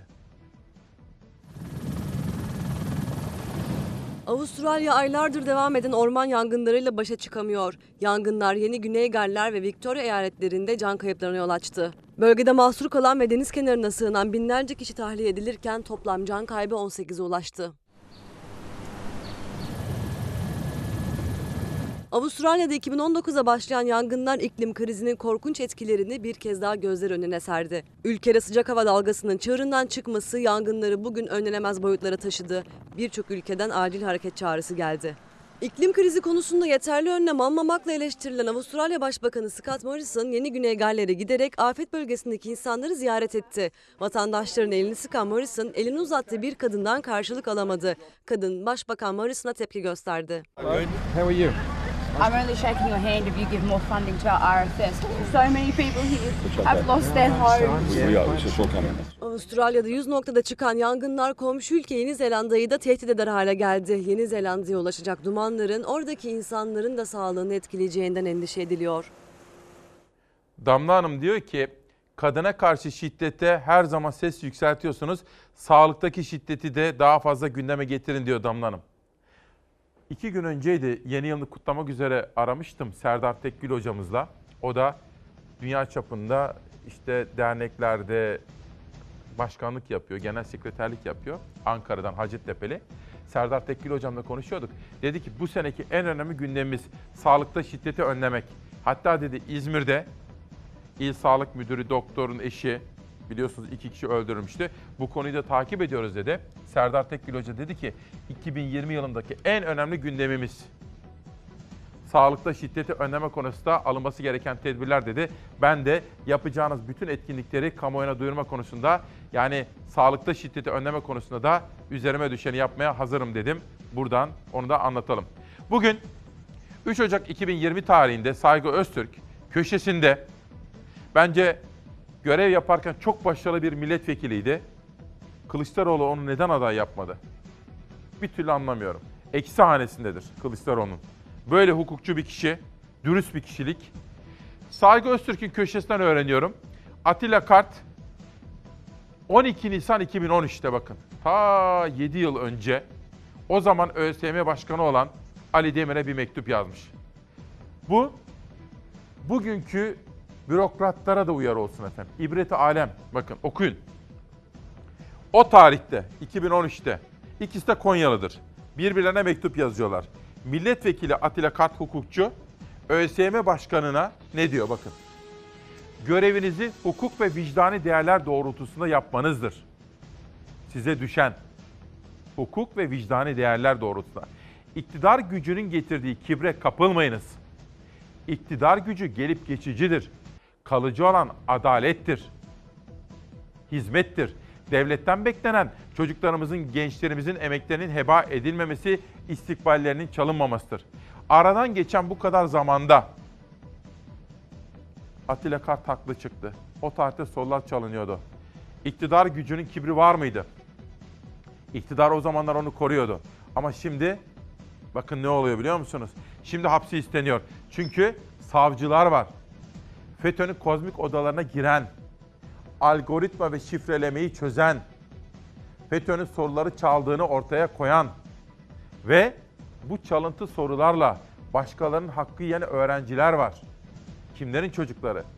Hangi sınavları kazandılar? Savcılar, iyi ki böyle savcılar var ki hala görev başındalar ve çalışıyorlar. Yani devletimiz için. Atilla Kart 2013'teki Ali Demir'e gönderdiği mektuptaki uyarılarında haklı çıktı. İstifa etmeyi bir şey söz konusu değil. AK Parti'nin seçmenin çocukları da son 5 yılda sınava girdiyse bilsinler ki önlerine başka FETÖ'cüler geçirilmiş ve hakları yenmiş.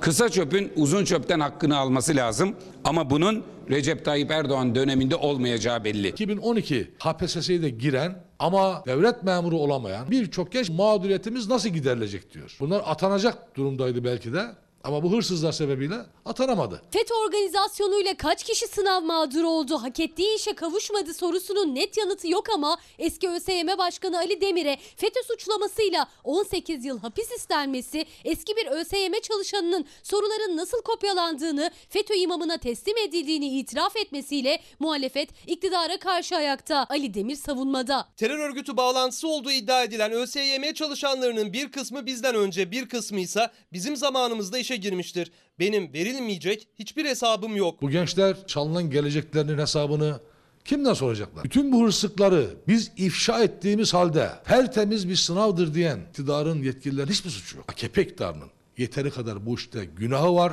Hiç olmasa bundan sonra adam gibi dursunlar. Taksim'de 2000 genci yürütmek problem değil. Biz de kalkarız onların karşısına 5000 10 bin tane genci koyarız. Ama biz bu ülkede gerilimden yana değiliz. Recep Tayyip Erdoğan FETÖ'cü ÖSYM Başkanı Demir'in arkasında durmuş. Demir gibi durmuş arkasında. Orada yürüyen her bir çocuğa özür borcu var. Son 5 yılda sınava gelmiş herkesin geleceğini çaldırttı. 2012 KPSS'de soruların çalındığı, cevap anahtarlarının sızdırıldığı, hatta o soruları çalanların Ali Demir döneminde ÖSYM'ye yerleştirildiği de Ali Demir hakkında hazırlanan iddianamede yer aldı. Muhalefet eski defterleri açtı. O tarihte de feryat ettik ama AKP iktidarı savundu. Önerge vermişiz araştırılsın bunlar diye AKP araştırmaya gerek yok demiş. Bunu siyaseten kullanıyor demişler. Bu işin siyasi boyutu da var. KPSS skandalında yeni bir dönemde başlamış oldu. Gözler yargıda ve iktidarın yapacağı ilk yorumlarda. Şimdi Mustafa Bey annemi soruyor. Çok teşekkür ederim. Annem dün Hanife Hanım'ın yanına gitti. Akşam birliktelerdi. Hanife Savaş'la birlikte çünkü Hanife Hanım da torununun 18. yaş günü için gelmişti. Onu söyleyeyim Mustafa Bey çok teşekkür ediyorum. Bunun dışında bir başka kardeşim bir de bu tarafa bakalım. Abi az evvel söylediğin savcı kimdi diye soruyor. Bakın hiç tanımam. Birebir yüzünü görmedim. Ama bu sınav sorularının çalınmasını dikkatle takip ediyor. Ender Coşkun diye bir savcı var. Devlet savcısı yani Cumhuriyet'in savcısı. Nereden biliyorum biliyor musun? İsim vermeyeyim de benim bir arkadaşım ve karısı yurt dışına gidiyorlardı. Çok başarılı. İkisi de akademisyen. Karısı da çok parlak. Bu sınavlardan hep böyle 98-99 falan aldı kadın. Arkadaşım ismini söylemem. Savcılar o kadar titiz iş yapıyorlar ki bunlar yurt dışına giderken durdurdular bunları. Sizinle ilgili dediler bir inceleme var. Yani o sınavları kazanan herkesi inceleme kapsamına almışlar. Ama bu arkadaşımızın önceki sınav, sonraki sınav, bir başka sınav bütün performanslarına baktıkları zaman ne olduğu ortaya çıkıyor.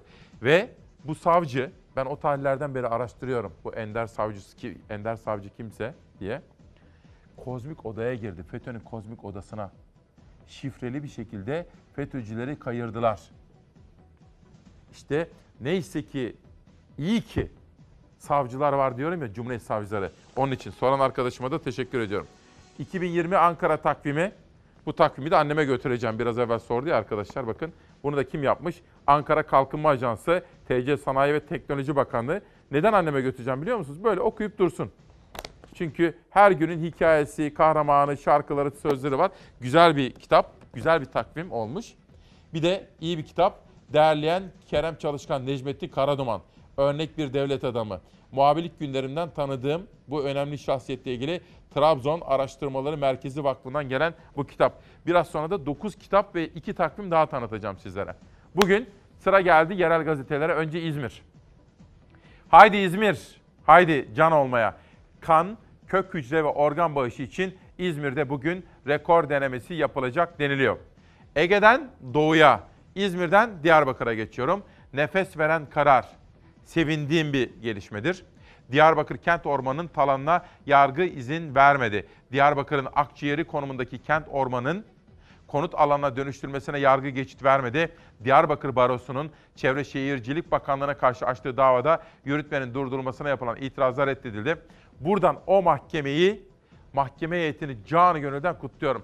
Biz mahkemelerden demokrasi, insan hakları, barış ve çevre konusunda böyle güzel haberler duymak istiyoruz. Körfez, Körfez'e gelelim.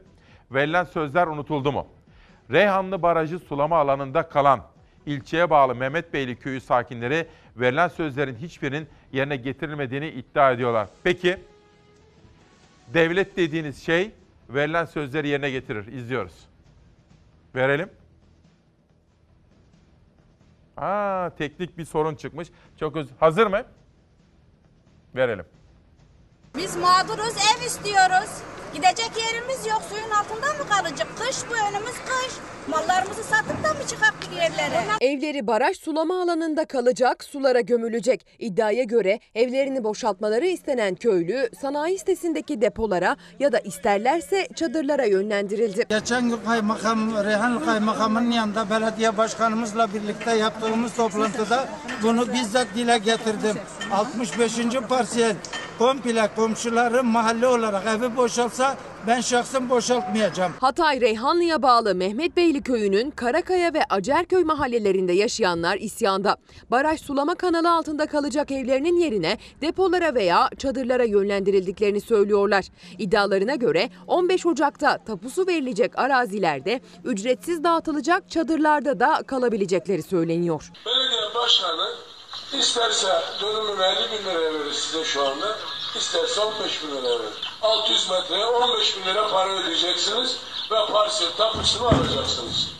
Buna bizim sözümüz söz diyoruz. AK Parti Hatay Milletvekili Hüseyin Çamverdi sosyal medya üzerinden yaptığı paylaşımda köylülerin sorunlarının çözüldüğünü belirtmiş, mağdurların yanında olduğunu söylemişti. Köyde 3000 küçükbaş, 150-200 civarı büyükbaş hayvan olduğunu hatırlatan köylüler, TOKİ evlerine de yerleştirilmek istemediklerini söyledi. Sayın Reyhanlı Milletvekili Hüseyin Şam verdi bizimle dalga geçer gibi yeni evli çiftlere e, teklif eder gibi bize TOKİ evlerini teklif ediyor.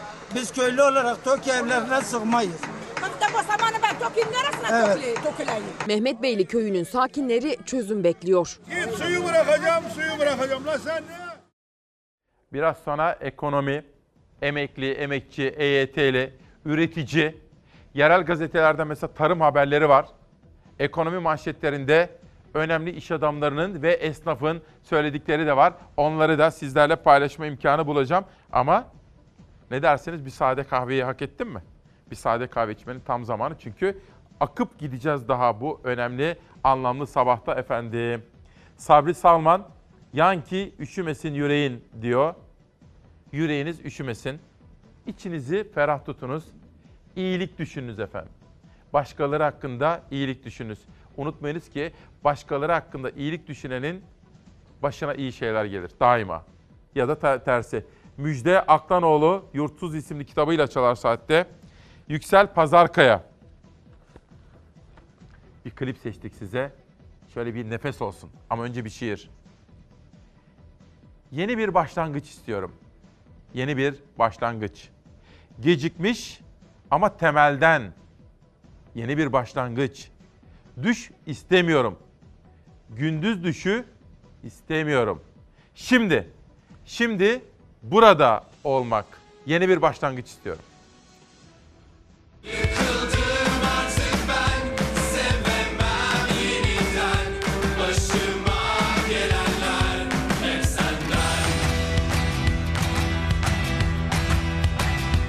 Başıma gelenler hep senin yüzünden Ne istedin benim sevgimden Başıma gelenler. Hep senin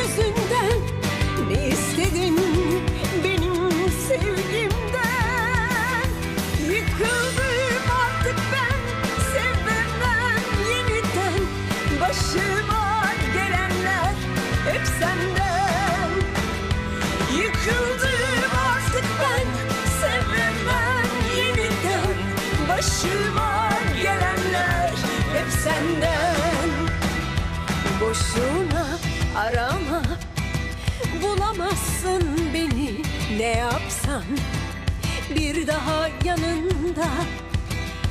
Boşuna arama Bulamazsın beni. Ne yapsan Bir daha yanında? Yıkıldım artık ben sevemem yeniden. Başıma gelenler hep senden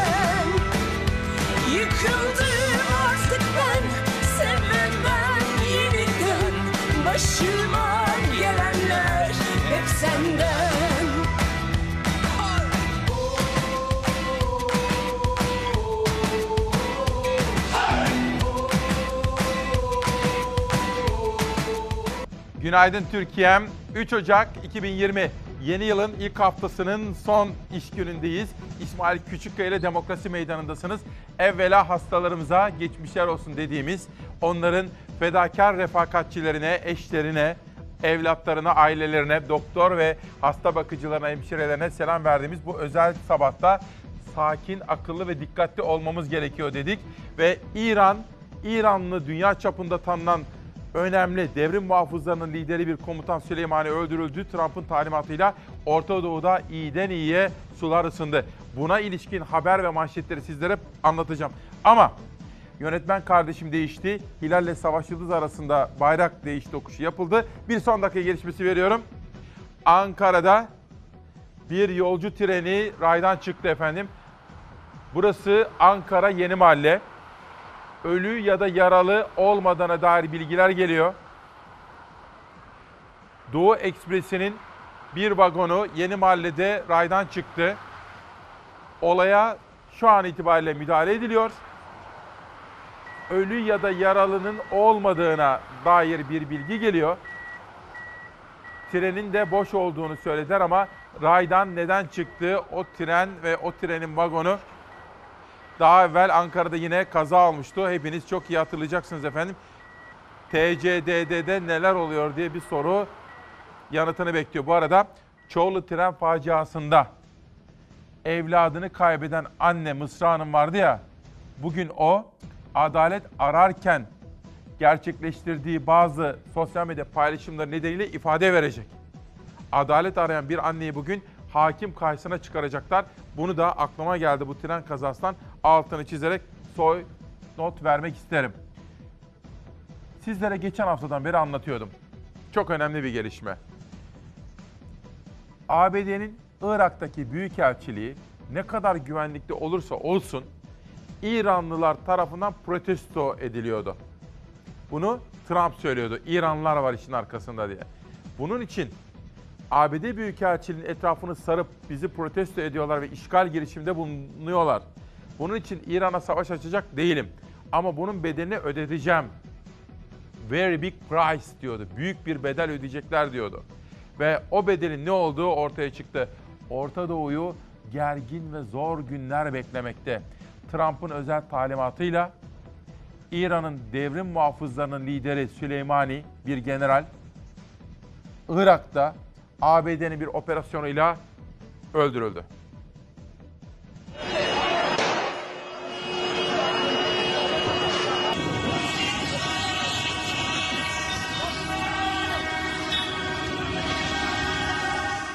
Amerika Birleşik Devletleri Irak'ta İran destekli Haçlı Şabi örgütünün konvoyuna saldırı düzenledi. Füze saldırısında İran Devrim Muhafızları Ordusu'na bağlı Kudüs Gücü Komutanı Kasım Süleymani öldürüldü. Tahran saldırıyı savaş nedeni olarak tanımladı.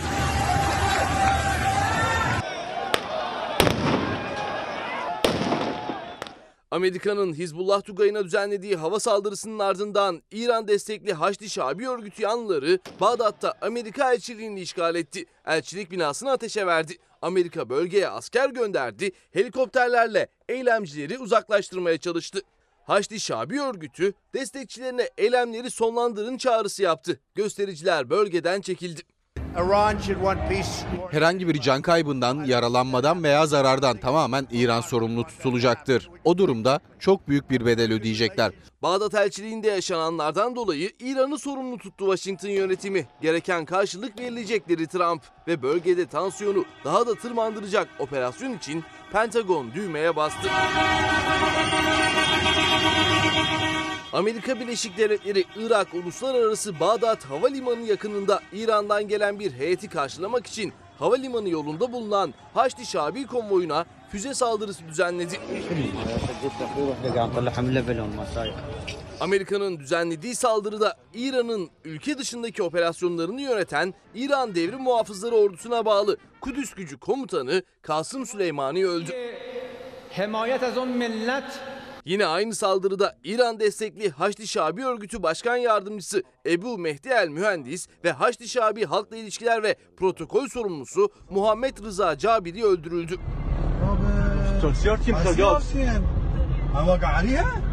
Irak Devlet Televizyonu duyurdu önce saldırıyı. Ardından Pentagon, Trump'ın talimatıyla düzenlenen operasyonda İranlı komutan Süleymani'nin öldürüldüğünü ilan etti.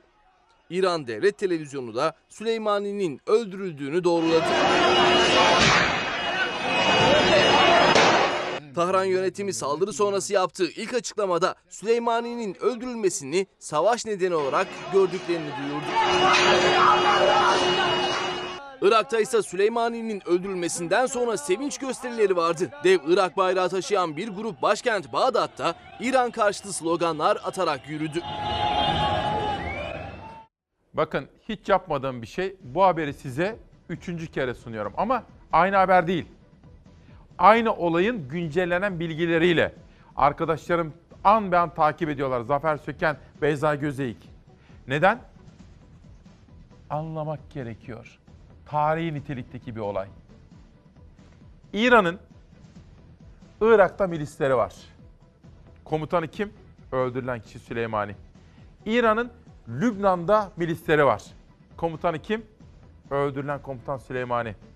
İran'ın Suriye'de milisleri var. Komutanı kim? Süleymani. Öldürülen kişi çok önemli İran için. Hamaney Amerika'yı tehdit etti. Siz de bunun bedelini ödeyeceksiniz dedi. Şimdi Amerikalılar acaba ne olacak? Ve ayrıca İsrail lideri Netanyahu Yunanistan gezisini kısa kesti bu gelişmelerden sonra. Orta Doğu ısınıyor. Arkadaşlarım an ve an takip ediyorlar. Sizlere anlatmak istiyorum. Bugün 3 Ocak 2020'deki manşetimizi sakin, akıllı ve dikkatli. Son anda seçtim. Sakin, akıllı ve dikkatli olmamız gerekiyor. Çünkü tehlike yalnızca Orta Doğu'da değil. Bizim açımızdan Libya'da önemli. İşte bu kuşağı da ilk kuşağı hürriyetle başlamıştım. Bu kuşağı milliyetle başlıyorum. Mehmetçi'ye Libya yolu. Melis tezkereye 183'e karşı 332 oyla evet dedi. Olağanüstü toplanan TBMM'de yapılan oylamada Libya'ya asker gönderilmesine ilişkin tezkere kabul edildi. Millet İttifakı burada hayır oyu verdi. Onun altını çizelim. Hayır oyu verenler kimler?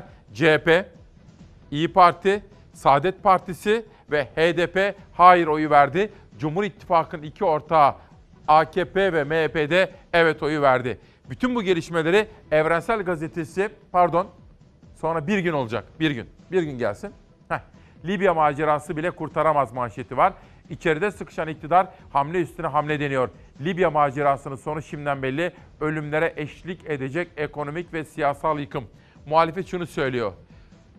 Gereken dersleri aldınız mı? İktidara sesleniyorlar. Aman diyorlar.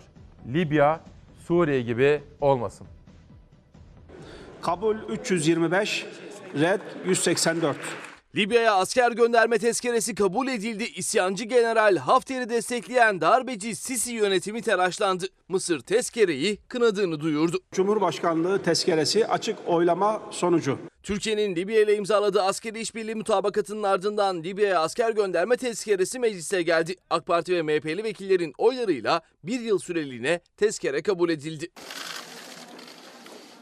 Türkiye'nin Libya'ya asker gönderecek olması darbeyle Mısır'ın başına geçen Sisi yönetimini telaşlandırdı. Mısır Dışişleri Bakanlığı Türkiye-Libya mutabakatının meşru olmadığını iddia etti. Hafter meşru değildir. Gayri meşrudur. İsyancı General Hafter'i destekleyen darbeci Sisi yönetimi Mısır Dışişleri Bakanlığı vasıtasıyla bir açıklama yayınladı. Tezkerenin meclisten geçmesini kınadıklarını ilan etti. Uluslararası kamuoyunca meşruluğu kabul edilen Libya Ulusal Mutabakat Hükümeti ise Türkiye ile imzalanan mutabakatın arkasında durdu. Mutabakat hükümeti meşru hükümetin meşruiyetini ve sivilleri korumak için her türlü adımı atma hakkına sahip olduklarını vurguladı. Bakın ben de Ramazan gibi düşünüyorum. Ramazan Ese, İsmail Bey. Süleymani'nin öldürülmesi sıradan bir olay değil. Devletler öyle kızarak ani reflekslerle hareket etmezler. Kıyamet kopacak diyor. Umarım bu arada biz de kalmaz ve biz de yanmayız diyor. İsmail Saymaz da paylaştığı sosyal medya hesabında Süleymani'nin İran için sıradan bir komutan olmadığını, İran için adeta Che Guevara gibi birisi olduğunu, devrim muhafızı olarak da İran'da çok sevildiğini altını çiziyor. Ama şunu da söyleyelim, Irak'a geldiğimiz zaman da Irak'ta halk sevinç gösterileri yapıyor efendim. Çok enteresan bir gelişmeyle karşı karşıyayız. Bir günden bir haber daha gelsin, biraz da ekonomiye bakalım. Ekonomik yangın kontrolden çıktı. Emekçiler borç batağında, maaşlar hacizli, esnaf sigorta primini ödeyemez, Yurttaş ise genel sağlık sigortası primlerini dahi ödeyemez durumda diyor. Ama akıllı bir iktidar her zaman halkının öncelik ve beklentilerini iyi hesaplar. İktidarda kalan, iktidarda kalabilecek olanlar daima halkının önceliklerini iyi bilen, iyi hesaplayan ve bunun gereğini yerine getirenlerdir. Öbürleri yok olup giderler. 6 liralık domatesi 8 liraya aldım. Sebze başını aldı gidiyor. İstanbul'da gıda fiyatları uçuyor gidiyor. İstanbul enflasyonu yıllık %13,40 Aralıkta ise aylık artış %1,07. Ancak tüketicinin en çok da emeklinin, asgari ücretlinin cebini ilgilendiren gıda fiyatlarındaki aylık artış %1,55. Daha fazla gibi geldi hissediyorum ben açıkçası. Her geçen gün her şey artıyor. Berbat. Berbat. Artmış mı bir ayda? Felaket. Her geçen gün artıyor. Bırakın geçen ay. Rakamlara aydan aya yansıyan artışı tüketici neredeyse günden güne hissetti. En çok asgari ücretlinin yaşadığı İstanbul'da fiyatlar diğer illere göre daha yüksek. Asgari ücretliye yapılan zammın biraz üzerinde gıda enflasyonu. Manisa'ya gidiyorum, Batman'a gidiyorum. Hep Oralarda nasıl fiyatlar? Orada e, gene buraya karşı daha güzel. Ankara, Kırıkkale. Orada nasıl fiyatlar? Oralarda daha ucuz tabii ki. İstanbul'da, Ankara'da, Edirne'de, Tokat'ta asgari ücrete gelen zam Türkiye'nin her yerinde aynı oldu. Ama şehirden şehire tezgahlarda gıda fiyatları farklılık gösteriyor. İstanbul'da sadece bir ayda gıda fiyatlarına 1.55 oranında zam geldi. İstanbul gerçekten çok pahalı. Yani patlıcan burada 6 liraysa Edirne'de 3 lira. Dar gelirli maaşının çoğunu gıdaya harcıyor. Asgari ücretliler zamlı maaşlarını henüz almadı ama zaten o zamdan gelmeden harcandı. Emeklilerin ise gözü kulağı 3 Ocak'ta. TÜİK 2019 yılı enflasyonunu açıklayacak ve alacakları zam belli olacak ama yaraya derman olmayacağı şimdiden belli. Emekliye zam vermişler efendim ailene. Nasıl alacak bu emekli bunları? Nasıl geçineceğiz? Nasıl yiyeceğiz? Yetecek mi? Hiç, hiç karşılamayacak. Bir kilo alacakken yarım kilo alabileceğiz. 25 liralık diyoruz 25 liralık yapıyor. Hiç saymıyoruz. Şey gibi oldu bu benzin hep 50 liralık alıyor. Hep 25 lira kalıyoruz. Bu vesileyle esnaf kardeşimi de sevgi ve saygıyla selamlıyor ve onlara bu güzel cuma gününde hayırlı işler dileklerinde bulunmak istiyorum. Sırada bir haber daha var. Geçelim sonraki gazeteye. Ekrem İmamoğlu'nun haberi var ama Ekrem İmamoğlu'na bir çağrıda bulunacağım. Kanal İstanbul konusunda değil. O haberi verdim ama öğrencilik yapanlar bileceklerdir efendim. Öğrencilik güzeldir, hoştur ama biraz zordur. Hele ki dar gelirli bir aileden geliyorsanız. Sizlere daha evvel Ankara Belediye Başkanı Mansur Yavaş'tan bahsetmiştim. Ben de öğrenciliğini Ankara'da yaşayan birisi olarak, bir kardeşiniz, bir arkadaşınız olarak Gazi Üniversitesi'nde okurken Atatürk yurdunda kalırdım. Ankara Hastanesi'nin tam karşısında. Ve yurtta bazen hani kuru fasulye, yarım ekmeği bandıra bandıra yer karnımızı doyurduk. Bazen çorbayla, bazen makarnayla. Çünkü öğrencilik böyle bir şeydir. Güzel günlerdir. O nedenle sezon başında Mansur Yavaş'ın Ankara'daki öğrenci kardeşlerime sıcak bedava çorba dağıtmasından çok memnun olmuştum. Ta 89 yıllarına gitmiştim kendi oradaki öğrencilik günlerimden. Şimdi ben İstanbul Belediye Başkanı Ekrem İmamoğlu'na sesleneceğim. Ama bir dakika neden olduğunu anlatacağım sizlere bu konuda. Şu manşeti bir okuyayım. Bugün Pencere gazetesinde burası çöl değil İstanbul şeklinde bir manşet var. İstanbul Belediye Başkanı Ekrem İmamoğlu Kanal İstanbul'u değerlendirdi. Biz çölde bir arazi bulduk. Dünyada da 50 tane kanal var. 51. yapacağız diyorlarsa buyursunlar yapsınlar. Ama burası çöl değil, burası İstanbul. Kanal İstanbul'u bu şekilde yapamazlar dedi. Hatta açıklamalarında orada Katar Şeyhi'nin annesi, Suudlu, Kuveytli, Katarlı iş adamları tarlalar almışlardı ya. Diyor ki Kanal İstanbul yapılamayacak ama onlar tarlalara belki domates ekebilirler diyor Ekrem İmamoğlu efendim. Konum şimdi bununla ilgili değil. Hepiniz öğrencisiniz diyelim. Öğrenciliğinize gidin veya çocuğunuzun öğrenci olduğu günlere gidin. Dar gelirliyiz. Çocuğumuz sıcak çorba istiyor. Ekrem İmamoğlu, siz de istirham etsek de Mansur Yavaş gibi çocuklarımıza bedava sıcak çorba dağıtsanız ne güzel olur.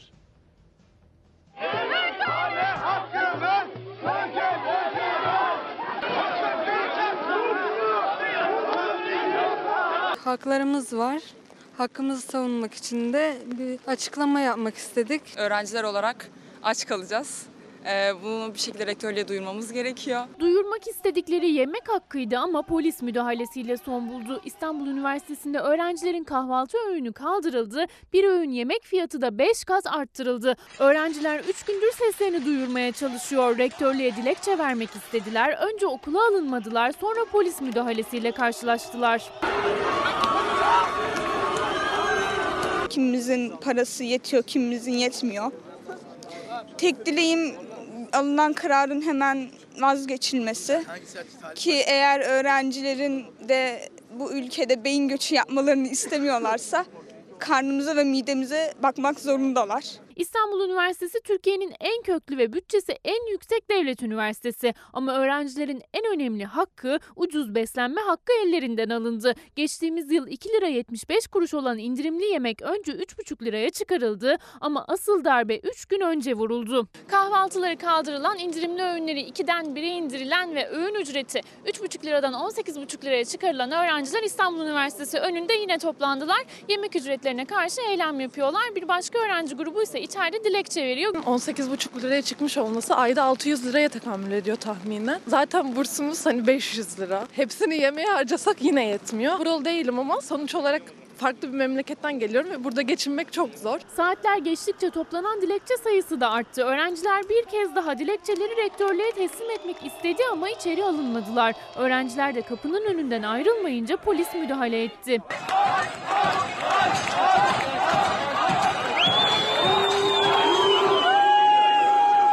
Öğrenciler eylemlerini sürdürmekte kararlı. Rektöre öğrencisi açken tok yatan rektör bizden değildir yazan pankartlarla tepkilerini gösterdiler.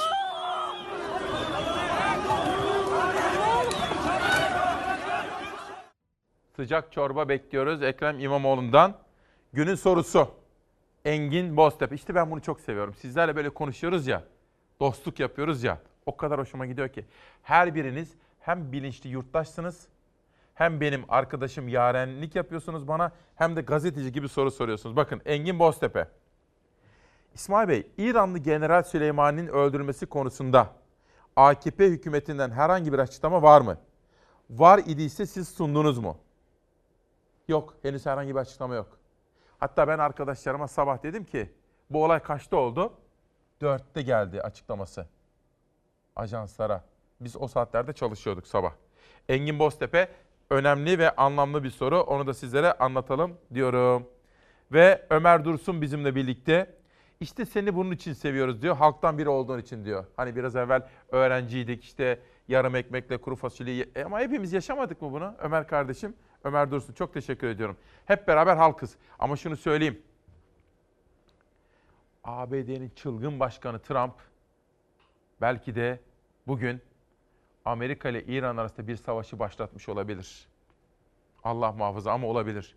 Öyle böyle bir olay değil efendim. O nedenle üzerinde durduk. O nedenle bütün akışımızı gazetecilik tabiriyle manşetleri hatta bütün sayfayı yıktık. O nedenle dönüp dönüp oraya geçiyorum efendim. Penceredeki Kanal İstanbul haberinden sonra Dünya Gazetesi'nin ekonomi bültenine bir bakacağım. Jale Özgen Türk gelecek konuşmaları başlığıyla Bülent Eczacıbaşı ile konuşmuş. Türk iş dünyasının ve aynı zamanda Türk kültür ve sanat dünyasının önemli saygın bir ismidir. Eczacıbaşı Yönetim Kurulu Başkanı Bülent Eczacıbaşı, Türkiye'nin Avrupa ile olan ilişkilerine değinerek ticaret savaşları karşısında Avrupa Birliği ile ortak değer vurgusu yaptı. Ve 2020'lerde ılımlı büyüme bekliyoruz dedi. Türkiye'nin bekleyen yapısal reformlarının da gerçekleştirilmesi çağrısında bulunmuş Eczacıbaşı efendim. Bir de hazır ekmekten bahsetmişken bir esnaf ucuz ekmek ve başlayan soruşturma. Ucuza ekmek satıyor diye dava edildi, hukuk haklı olduğuna karar verdi. Ucuza sattığı ekmekle gündeme gelen market işletmecisi ekmeğin kalitesine vurgu yaptı. Ekmeğin e, şu anda kalitesinde ilgilenen hala hiç kimse yok. Sadece fiyattan ilgileniliyor. Yani burada hangi undan yapılıyor? Yani burada fırıncılar da amacımız kötülemek değil. Ekmek kalitesi. Antalya'da yaşıyor Ragıp Şahin. Herkes 1 liraya satarken o 75 kuruşa satıyordu ekmeği. Ucuz ekmek satmasıyla haberlere bile konu olmuştu. Marketçi Ragıp olarak tanınan işletmeci haksız rekabete yol açtığı gerekçesiyle dava edildi, ilk mahkemeyi kaybetti. Ancak istinaf mahkemesinden zaferle döndü. Yaptığımızda yasalara uygun olmayan bir taraf yok diyor. Aldığın maliyetin üzerine bir kuruşta kar koyup satabileceğini söylüyor yasa. Yasa dışı yap, yaptığımız bir şey yok. Gayet yasal çalışıyoruz. Kırklareli'nden bir arkadaş aradı aynı işi market işi yapıyormuş. Dedim tedarik fiyatının altında mı satıyorsun? Hayır dedi karımı koyup satıyorum. Ragıp Şahin'in verdiği hukuk mücadelesi başka davalara da başka ekmek satıcılarına da emsal oluyor. Bugün ekmeği 85 kuruşa satıyor. Çevresindeki pek çok satış noktasında rekabete girip ekmeğin fiyatını düşürenler var. Ancak Ragıp Bey ekmeğin gram ve fiyatından öte kalitesiyle ilgili de denetimlerin sıklaştırılması gerektiğini vurguluyor. Şimdi bir yerel gazeteci arkadaşımla yazışıyorum da. Şimdi onu bir bakacağım, ilgileneceğim. Bu arada efendim bir kere daha söylemek isterim. Son dakika gelişmesi. Ankara'da savaş hazır mı Zeray? Verelim. Ankara'da bir tren kazası. Bir yolcu treni ama içinde yolcu olmadığına dair bir bilgi geliyor. Bu gördüğünüz bu sabah devrildi. Tabii aklınıza şu soru gelmeli. TCDD'de neler oluyor? Neden? Kötü mü yönetiliyor burası acaba? Kaçıncı kaza? Ve üstelik arkadaşlarım beni uyarıyorlar. Burası yeni mahalle. Daha evvel burada bir kaza daha olmuştu bakın. 9 kişiyi kaybettiğimiz bir kaza. Aynı yer. Neden acaba? İçinde yolcu olmadığı için ölü ve yaralı yok. Verilmiş sadakamız varmış. Ya içinde yolcu olsaydı? TCDD'yi kimler yönetiyor? Neden iyi standartlar sağlanmıyor? Denetim neden yapılmıyor? Neden sürekli kaza yapılıyor? Dünyanın en güvenli toplu taşıma aracıdır tren. Neden Türkiye'de insanlar trene binerken korkmak zorunda kalıyorlar? Bu arada bir son dakika gelişmesi daha vereceğim. Çorlu tren kazasında evladını kaybeden bir annenin, Mısra annenin bugün hakim karşısına çıkacağı bilgisi var. Evladını kaybetmiş bir anneyi adalet ararken yaptığı sosyal medya paylaşımları nedeniyle hakim karşısına çıkaran bir kafa yapısı. Bugün saat 14'te o kadın, annem, anneniz, evladını kaybetmiş bir kadın hakim karşısına çıkacak. Ona herhalde hakim veya savcılar şunu mu soracaklar? Neden adalet arıyorsunuz? Evladımı kaybettim. E olur canım olur mı diyecekler. Evladını kaybettiği için adalet arayan bir anneyi bu arayışı nedeniyle sosyal medyadaki çağrışımları, paylaşımları nedeniyle hakim ve savcı karşısına çıkarıyorsak durup düşünmemiz gerekiyor. Bugün saat 14'te dikkatle takip edeceğim bu gelişmeyi. Ona ne sordular, ne soracaklar, kim, hangi savcı, hangi hakim ona ne sorabilir çok merak ediyorum ve takip edeceğim. Söz veriyorum sizlere. Ve mobilyada KDV oranı düşürüldü. Dün ekonominin patronu Berat Albayrak açıklama yaptı. Mobilyada KDV oranı %8'e düşürüldü. Daha önce mobilyada KDV indirimlerinin süresi 3 kez uzatılmıştı. Bu piyasalar açısından merakla, ilgiyle beklenen bir gelişmeydi. İzliyoruz. olarak burada baş mekanizmamız var. Vatandaşlara yani güzel bir fırsat. Evlenen çiftlere e, mobilya almalarını tavsiye ederim şu anda. Mobilyada KDV oranı %8'e düşürüldü. Hem sektör çalışanları hem de mobilya alacak olanlar KDV indirimini memnuniyetle karşıladı. Geçen yıl Haziran ayında %18'e çıkarılmıştı mobilyada uygulanan KDV oranı. Hazine ve Maliye Bakanı Berat Albayrak mobilyadaki KDV oranının %8'e düşürüldüğünü açıkladı. Albayrak Çanakkale İş Dünyası buluşmasında verdi indirim haberini. Ve bugün ben buradan mobilyacılık sektörü içinde güzel bir haber olan mobilyadaki KDV'yi %18'den %8'e düşürdüğümüzün haberini paylaşmak istiyorum. İnşallah bu güzel adımın da mobilyacılık sektörümüze hayırlı olmasını, ekonomimize hayırlı olmasını temenni ediyorum. İndirimden üretici de müşteri de memnun. İndirimle örneğin fiyatı 5000 lira olan mobilya takımında yaklaşık 500 liraya yakın indirim gerçekleşecek. Özellikle kış aylarında duran geçen mobilya sektöründe e, bu %8'lik KDV indirimiyle birlikte e, hem biz e, perakende ve toptan anlamında e, İnegöl'de faaliyet veren tüm mobilya sektöründeki e, mobilyacılar olarak hem de perakende anlamında e, satın alma noktasında e, perakende olarak e, talepte bulunan müşterilerimize de sevindirici ve mutlu bir haber oldu. Mobilyada KDV indirimin olduğunu duyduk da %18'den 8'e inmiş. Ee, şimdi normalde bunun fiyatı ne kadardı, ne kadara indi, bu KDV indiriminden dolayı bana nasıl bir etki sağlayacak, ben ekstra bir ürün alabilecek miyim? Evet, %10'luk bir indirim olarak size direkt yansımış olacak. Hı hı. Dolayısıyla da e, şu an ürünlerin tamamında %10'luk bir indirimimiz oldu. Mobilya Dernekleri Federasyonu Başkanı Ahmet Güleş de indirim oranını değerlendirdi. 2020 Türkiye mobilya sektörünün yılı olacak dedi. Kararla diyoruz ki 2020 e, Türkiye mobilya sektörünün yılı olacak. Üreticimize çok büyük katkı sağlayacak. Ticaret erbabına çok büyük katkı sağlayacak. Tüketicimize çok büyük katkı sağlayacak. Tüketicimiz 2020 boyunca artık mobilyayı daha uygun fiyata evlerini e, döşeyecek. E, daha e, iyi şartlarda daha kaliteli mobilya alma imkanına sahip olacak. Hastalarımızı, esnaf kardeşimizi selamladık. Bu arada huzur evlerini, yurtlarını, öğrenci yurtlarını da okula gidecek öğrenci kardeşlerimi de selamlıyorum. Sabah hazırlıklarımızı yaparken 5 civarında bir mesaj dikkatimi çekti. Hasan Baraç, İsmail Bey selam. Ben tır şoförüyüm. Şu anda Türkiye genelinde kamyoncu ve tırcılar bir grevde eylem yapıyoruz. Sesimizi duyurmak istiyoruz. Hiçbir gazetede ve televizyonda haber yapmıyorlar. Sizden ricam sabah haberlerinde ki herkes sizi izliyor. Kamyoncu ve tırcı arkadaşların sesi olun. Twitter'da Hasan Baraç. Hasan Bara 12. Ben de ekip arkadaşlarımla rica ettim.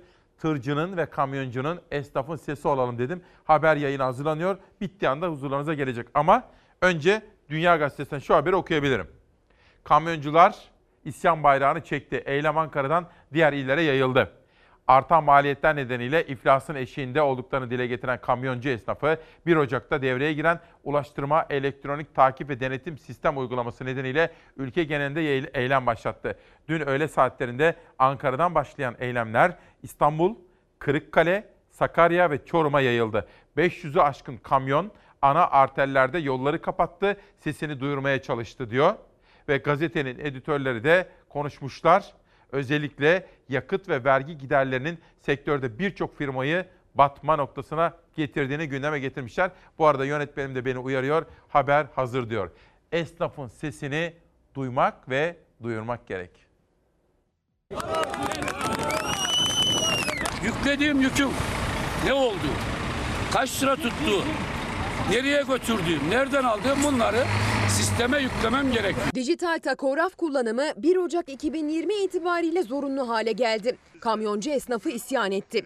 Ne yeni teknoloji cihazı kullanmayı biliyorlar ne de cihazla birlikte gelen kuralları Türkiye'nin altyapısına uygun buluyorlar. Akıllı telefon kullanmayı bilmiyor. Sen bana maliye bildirimi yap diyorsun. İlkokul mezunu, benim gibi ortaokul mezunu. Sisteme giremiyoruz. Giremediğimiz için de biz bu faturaları beyan edemezsek 6 saat içinde ceza yazacağım. İstanbul'da, Ankara'da, Çorum'da kamyoncu esnafı eylemdeydi. Dijital takograf kullanımına itiraz ettiler. Akıllı telefon dahi kullanmayı bilmeyenler olduğunu hatırlatan kamyoncular itiraz etti. Pek çok şehirde trafiği keserek eylem yaptılar. Hiçbirimizin mail adresi yok, indirme makinemiz yok, onu bilmeyiz. Yollarda park yerimiz yok. Eğitim verilmedi E-Devlet üzerinden yapılacak olan o e, fatura sistemini bilmiyoruz. Artı dijital tahografı aldığımız halde bizden tekrar e, neydi o? Aylık veri, veri, aylık veri istiyorlar. Yani şikayetimiz bu. Yeni sistemle tam olarak neye mecbur kılındıklarını dahi anlayamayan kamyoncular bilgilendirme yapılmadan dayatılan sistemi istemiyoruz diyor. Ve sırada günün çok konuşulan, çok tartışılan bir haberi, FETÖ haberi var. Bir damat haberi var. Ona geçeceğim. Ama önce 3 Ocak'ta doğum günü kutlayanlar Mithat Melen, Müge Salmayenli, Biber, Müge Salmayenli Biber de 3 Ocak doğumlu. Bizim Halit kardeşimiz, dün de Dilek'in kuaförümüz, her ikisinin de doğum günü.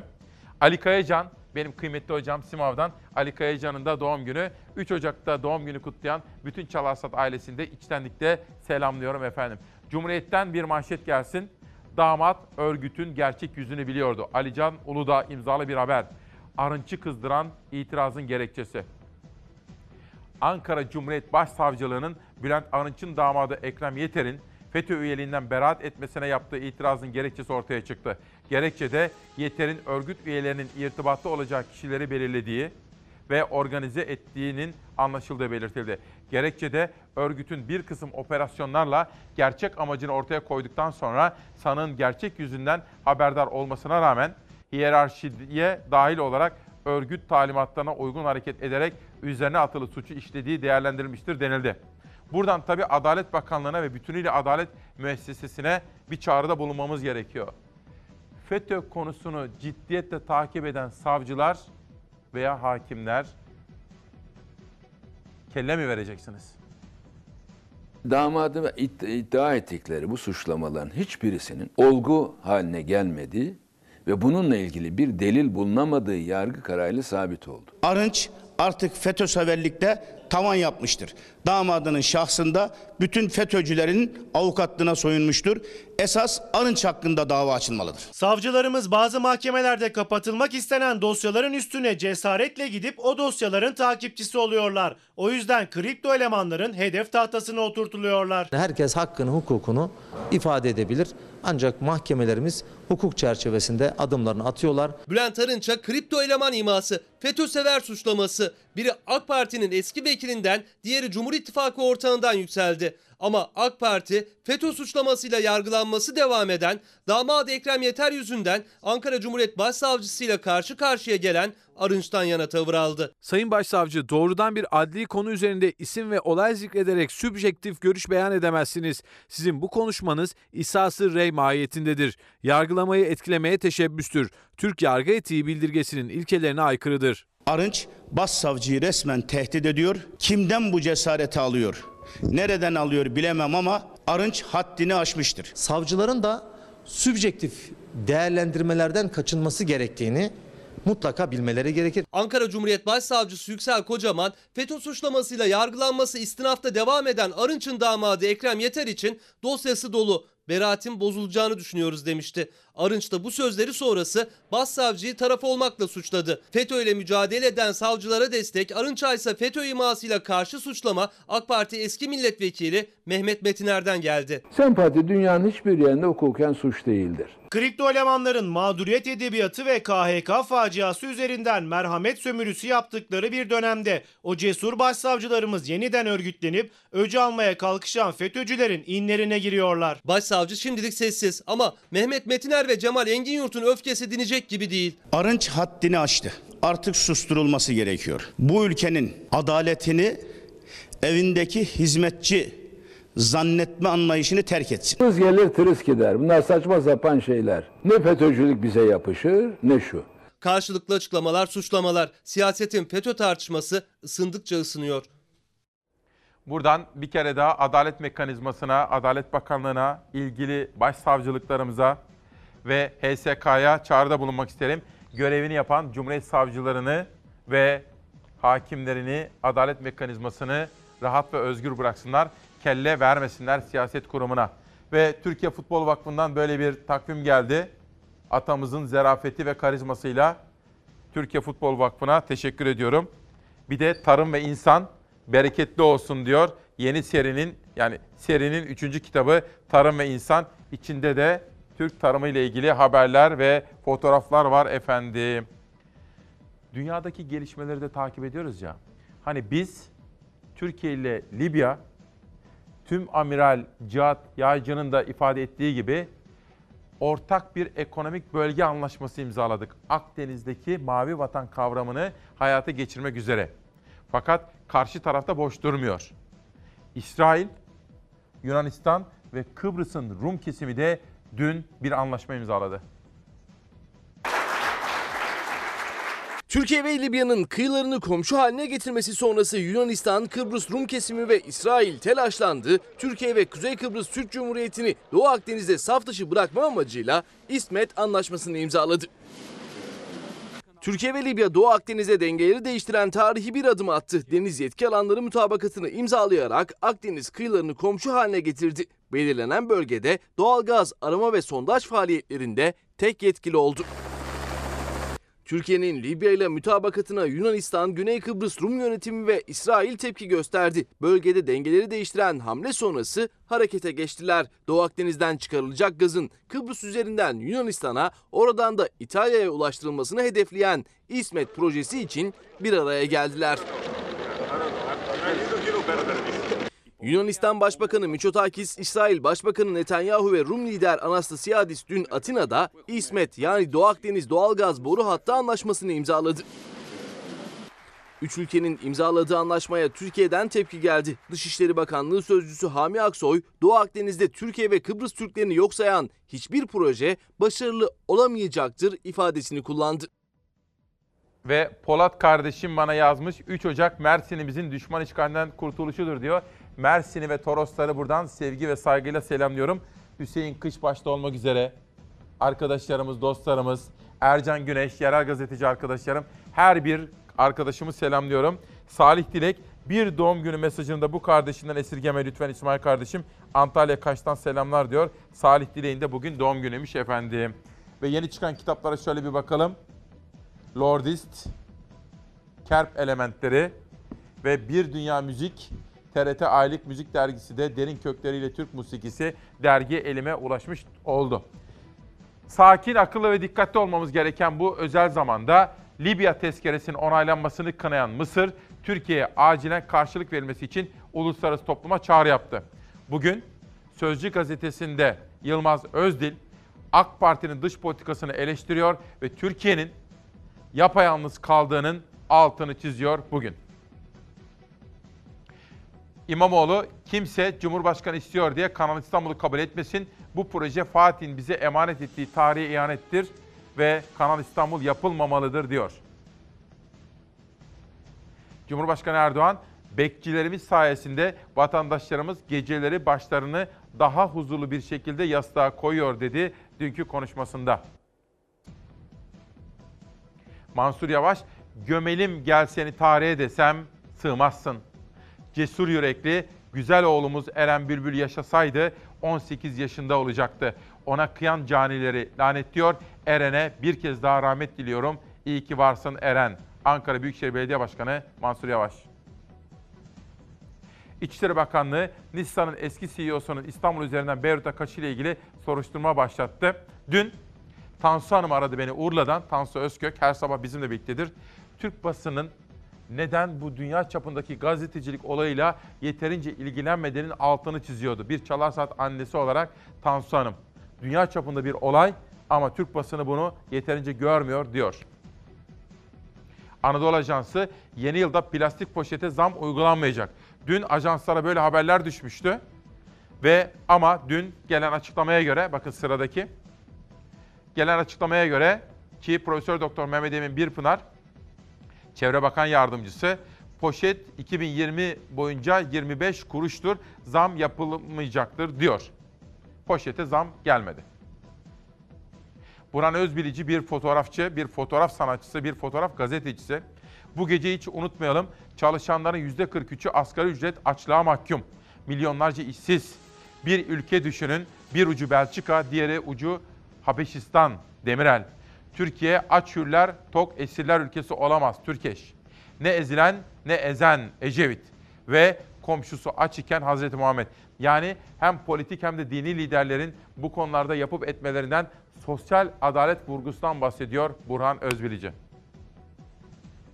Doğruluk payı Sağlık Bakanlığı'nın verilerine göre Türkiye'de 2016'da sadece 9 kızamık vakası varken 2017'de bu sayı 84'e çıktı ve maalesef 2018'de Türkiye'deki kızamık vakası patladı, 716'ya ulaştı.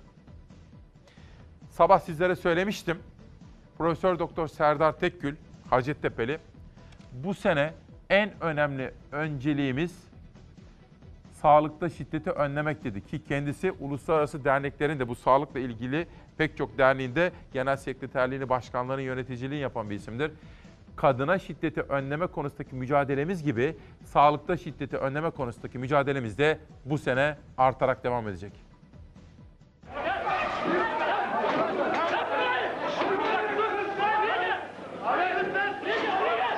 Buranın yetkisiz e, girişleri kapalı olduğunu uygun bir dille anlattım.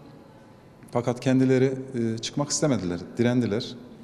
Daha sonra yine e, ricada bulundum. Çünkü bağırarak konuşuyorlardı. Diğer hastalar da e, etkilenir. Çünkü burası çok kritik bir yer. Hem enfeksiyon açısından. Ziyarete kapalı yoğun bakım ünitesinde hasta yanında ısrarla kaldılar. Ölüm döşeğindeki hastaların enfeksiyon riskini hiçe saydılar. Dışarı çıkmaları söylendiğinde ise bıçak çekip 8 kişiyi yaraladılar.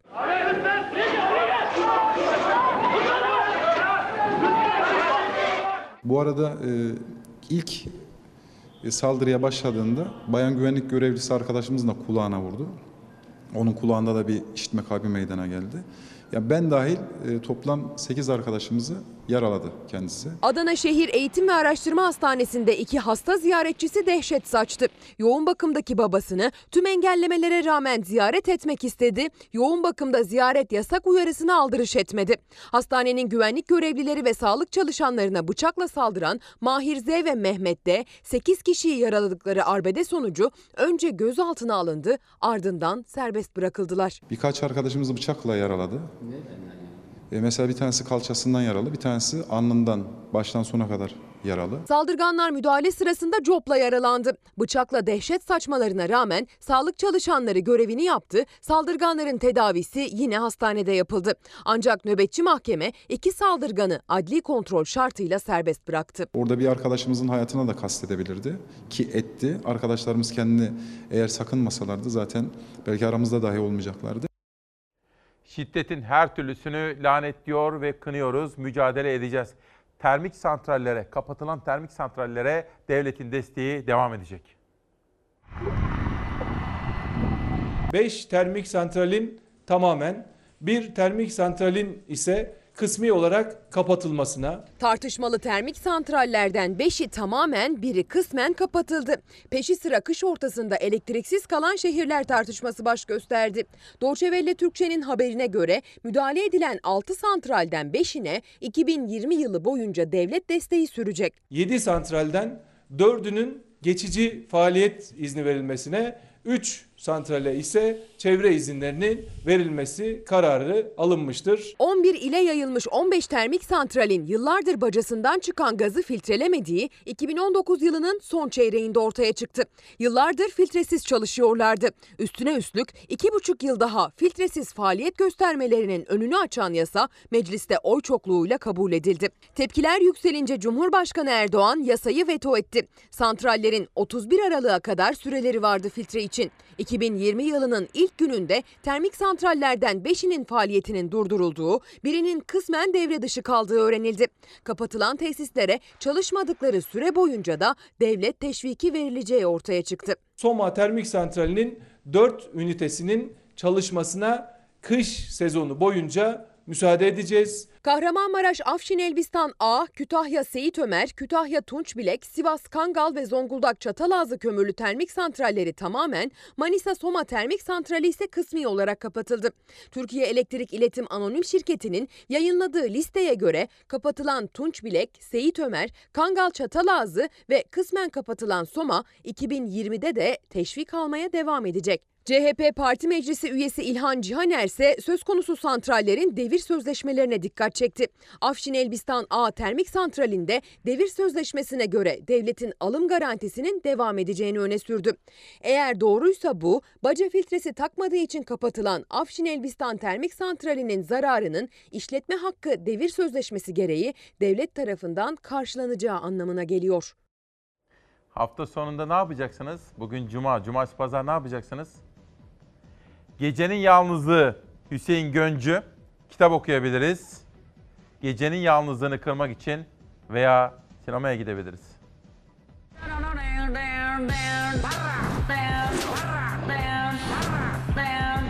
Malına mülküne. Yeni yılın ilk hafta sonuna gelirken yeni ve birbirinden keyifli filmler sinema severlerle buluşuyor. Merhuma hakkınızı helal ediyor musunuz? Helal ediyor musunuz? Helal ediyor musunuz? Bulalım artık şu şifreyi ya. Bıktık. C tuşu basılı mı kaldı? Doğrusana. Nasıl yürümek? Hep ananızın yüzünden. Ahmet Kural ve Murat Cemcir'in başrollerini paylaştığı Baba Parası, ikilinin hayranlarına eğlenceli bir hafta sonu vaat ediyor. Filmde ülkenin en zenginlerinden birinin çocukları olduğunu öğrenen kardeşler, içlerinden sadece birine kalacak olan yüklü mirasın peşine düşüyor. Da en çok ona dikkat ederim. Asla haram bir lokma geçmedi kursağımdan. Ya. İlk olacak. Dadı baldan tatlı derler. Hem haramsa haram. Tövbe kapısı hep açık babacık.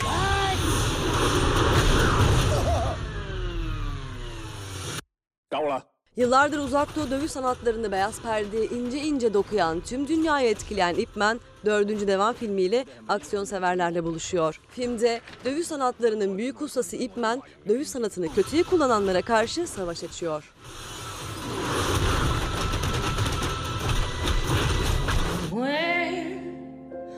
Over the rainbow, way up. Sinemanın ve müzik dünyasının efsane ismi Judy Garland'ın hayatını anlatan Judy bu hafta vizyona giriyor. Judy Garland'ı canlandıran Renée Zellweger performansıyla Altın Küre'ye aday oldu. over the rainbow,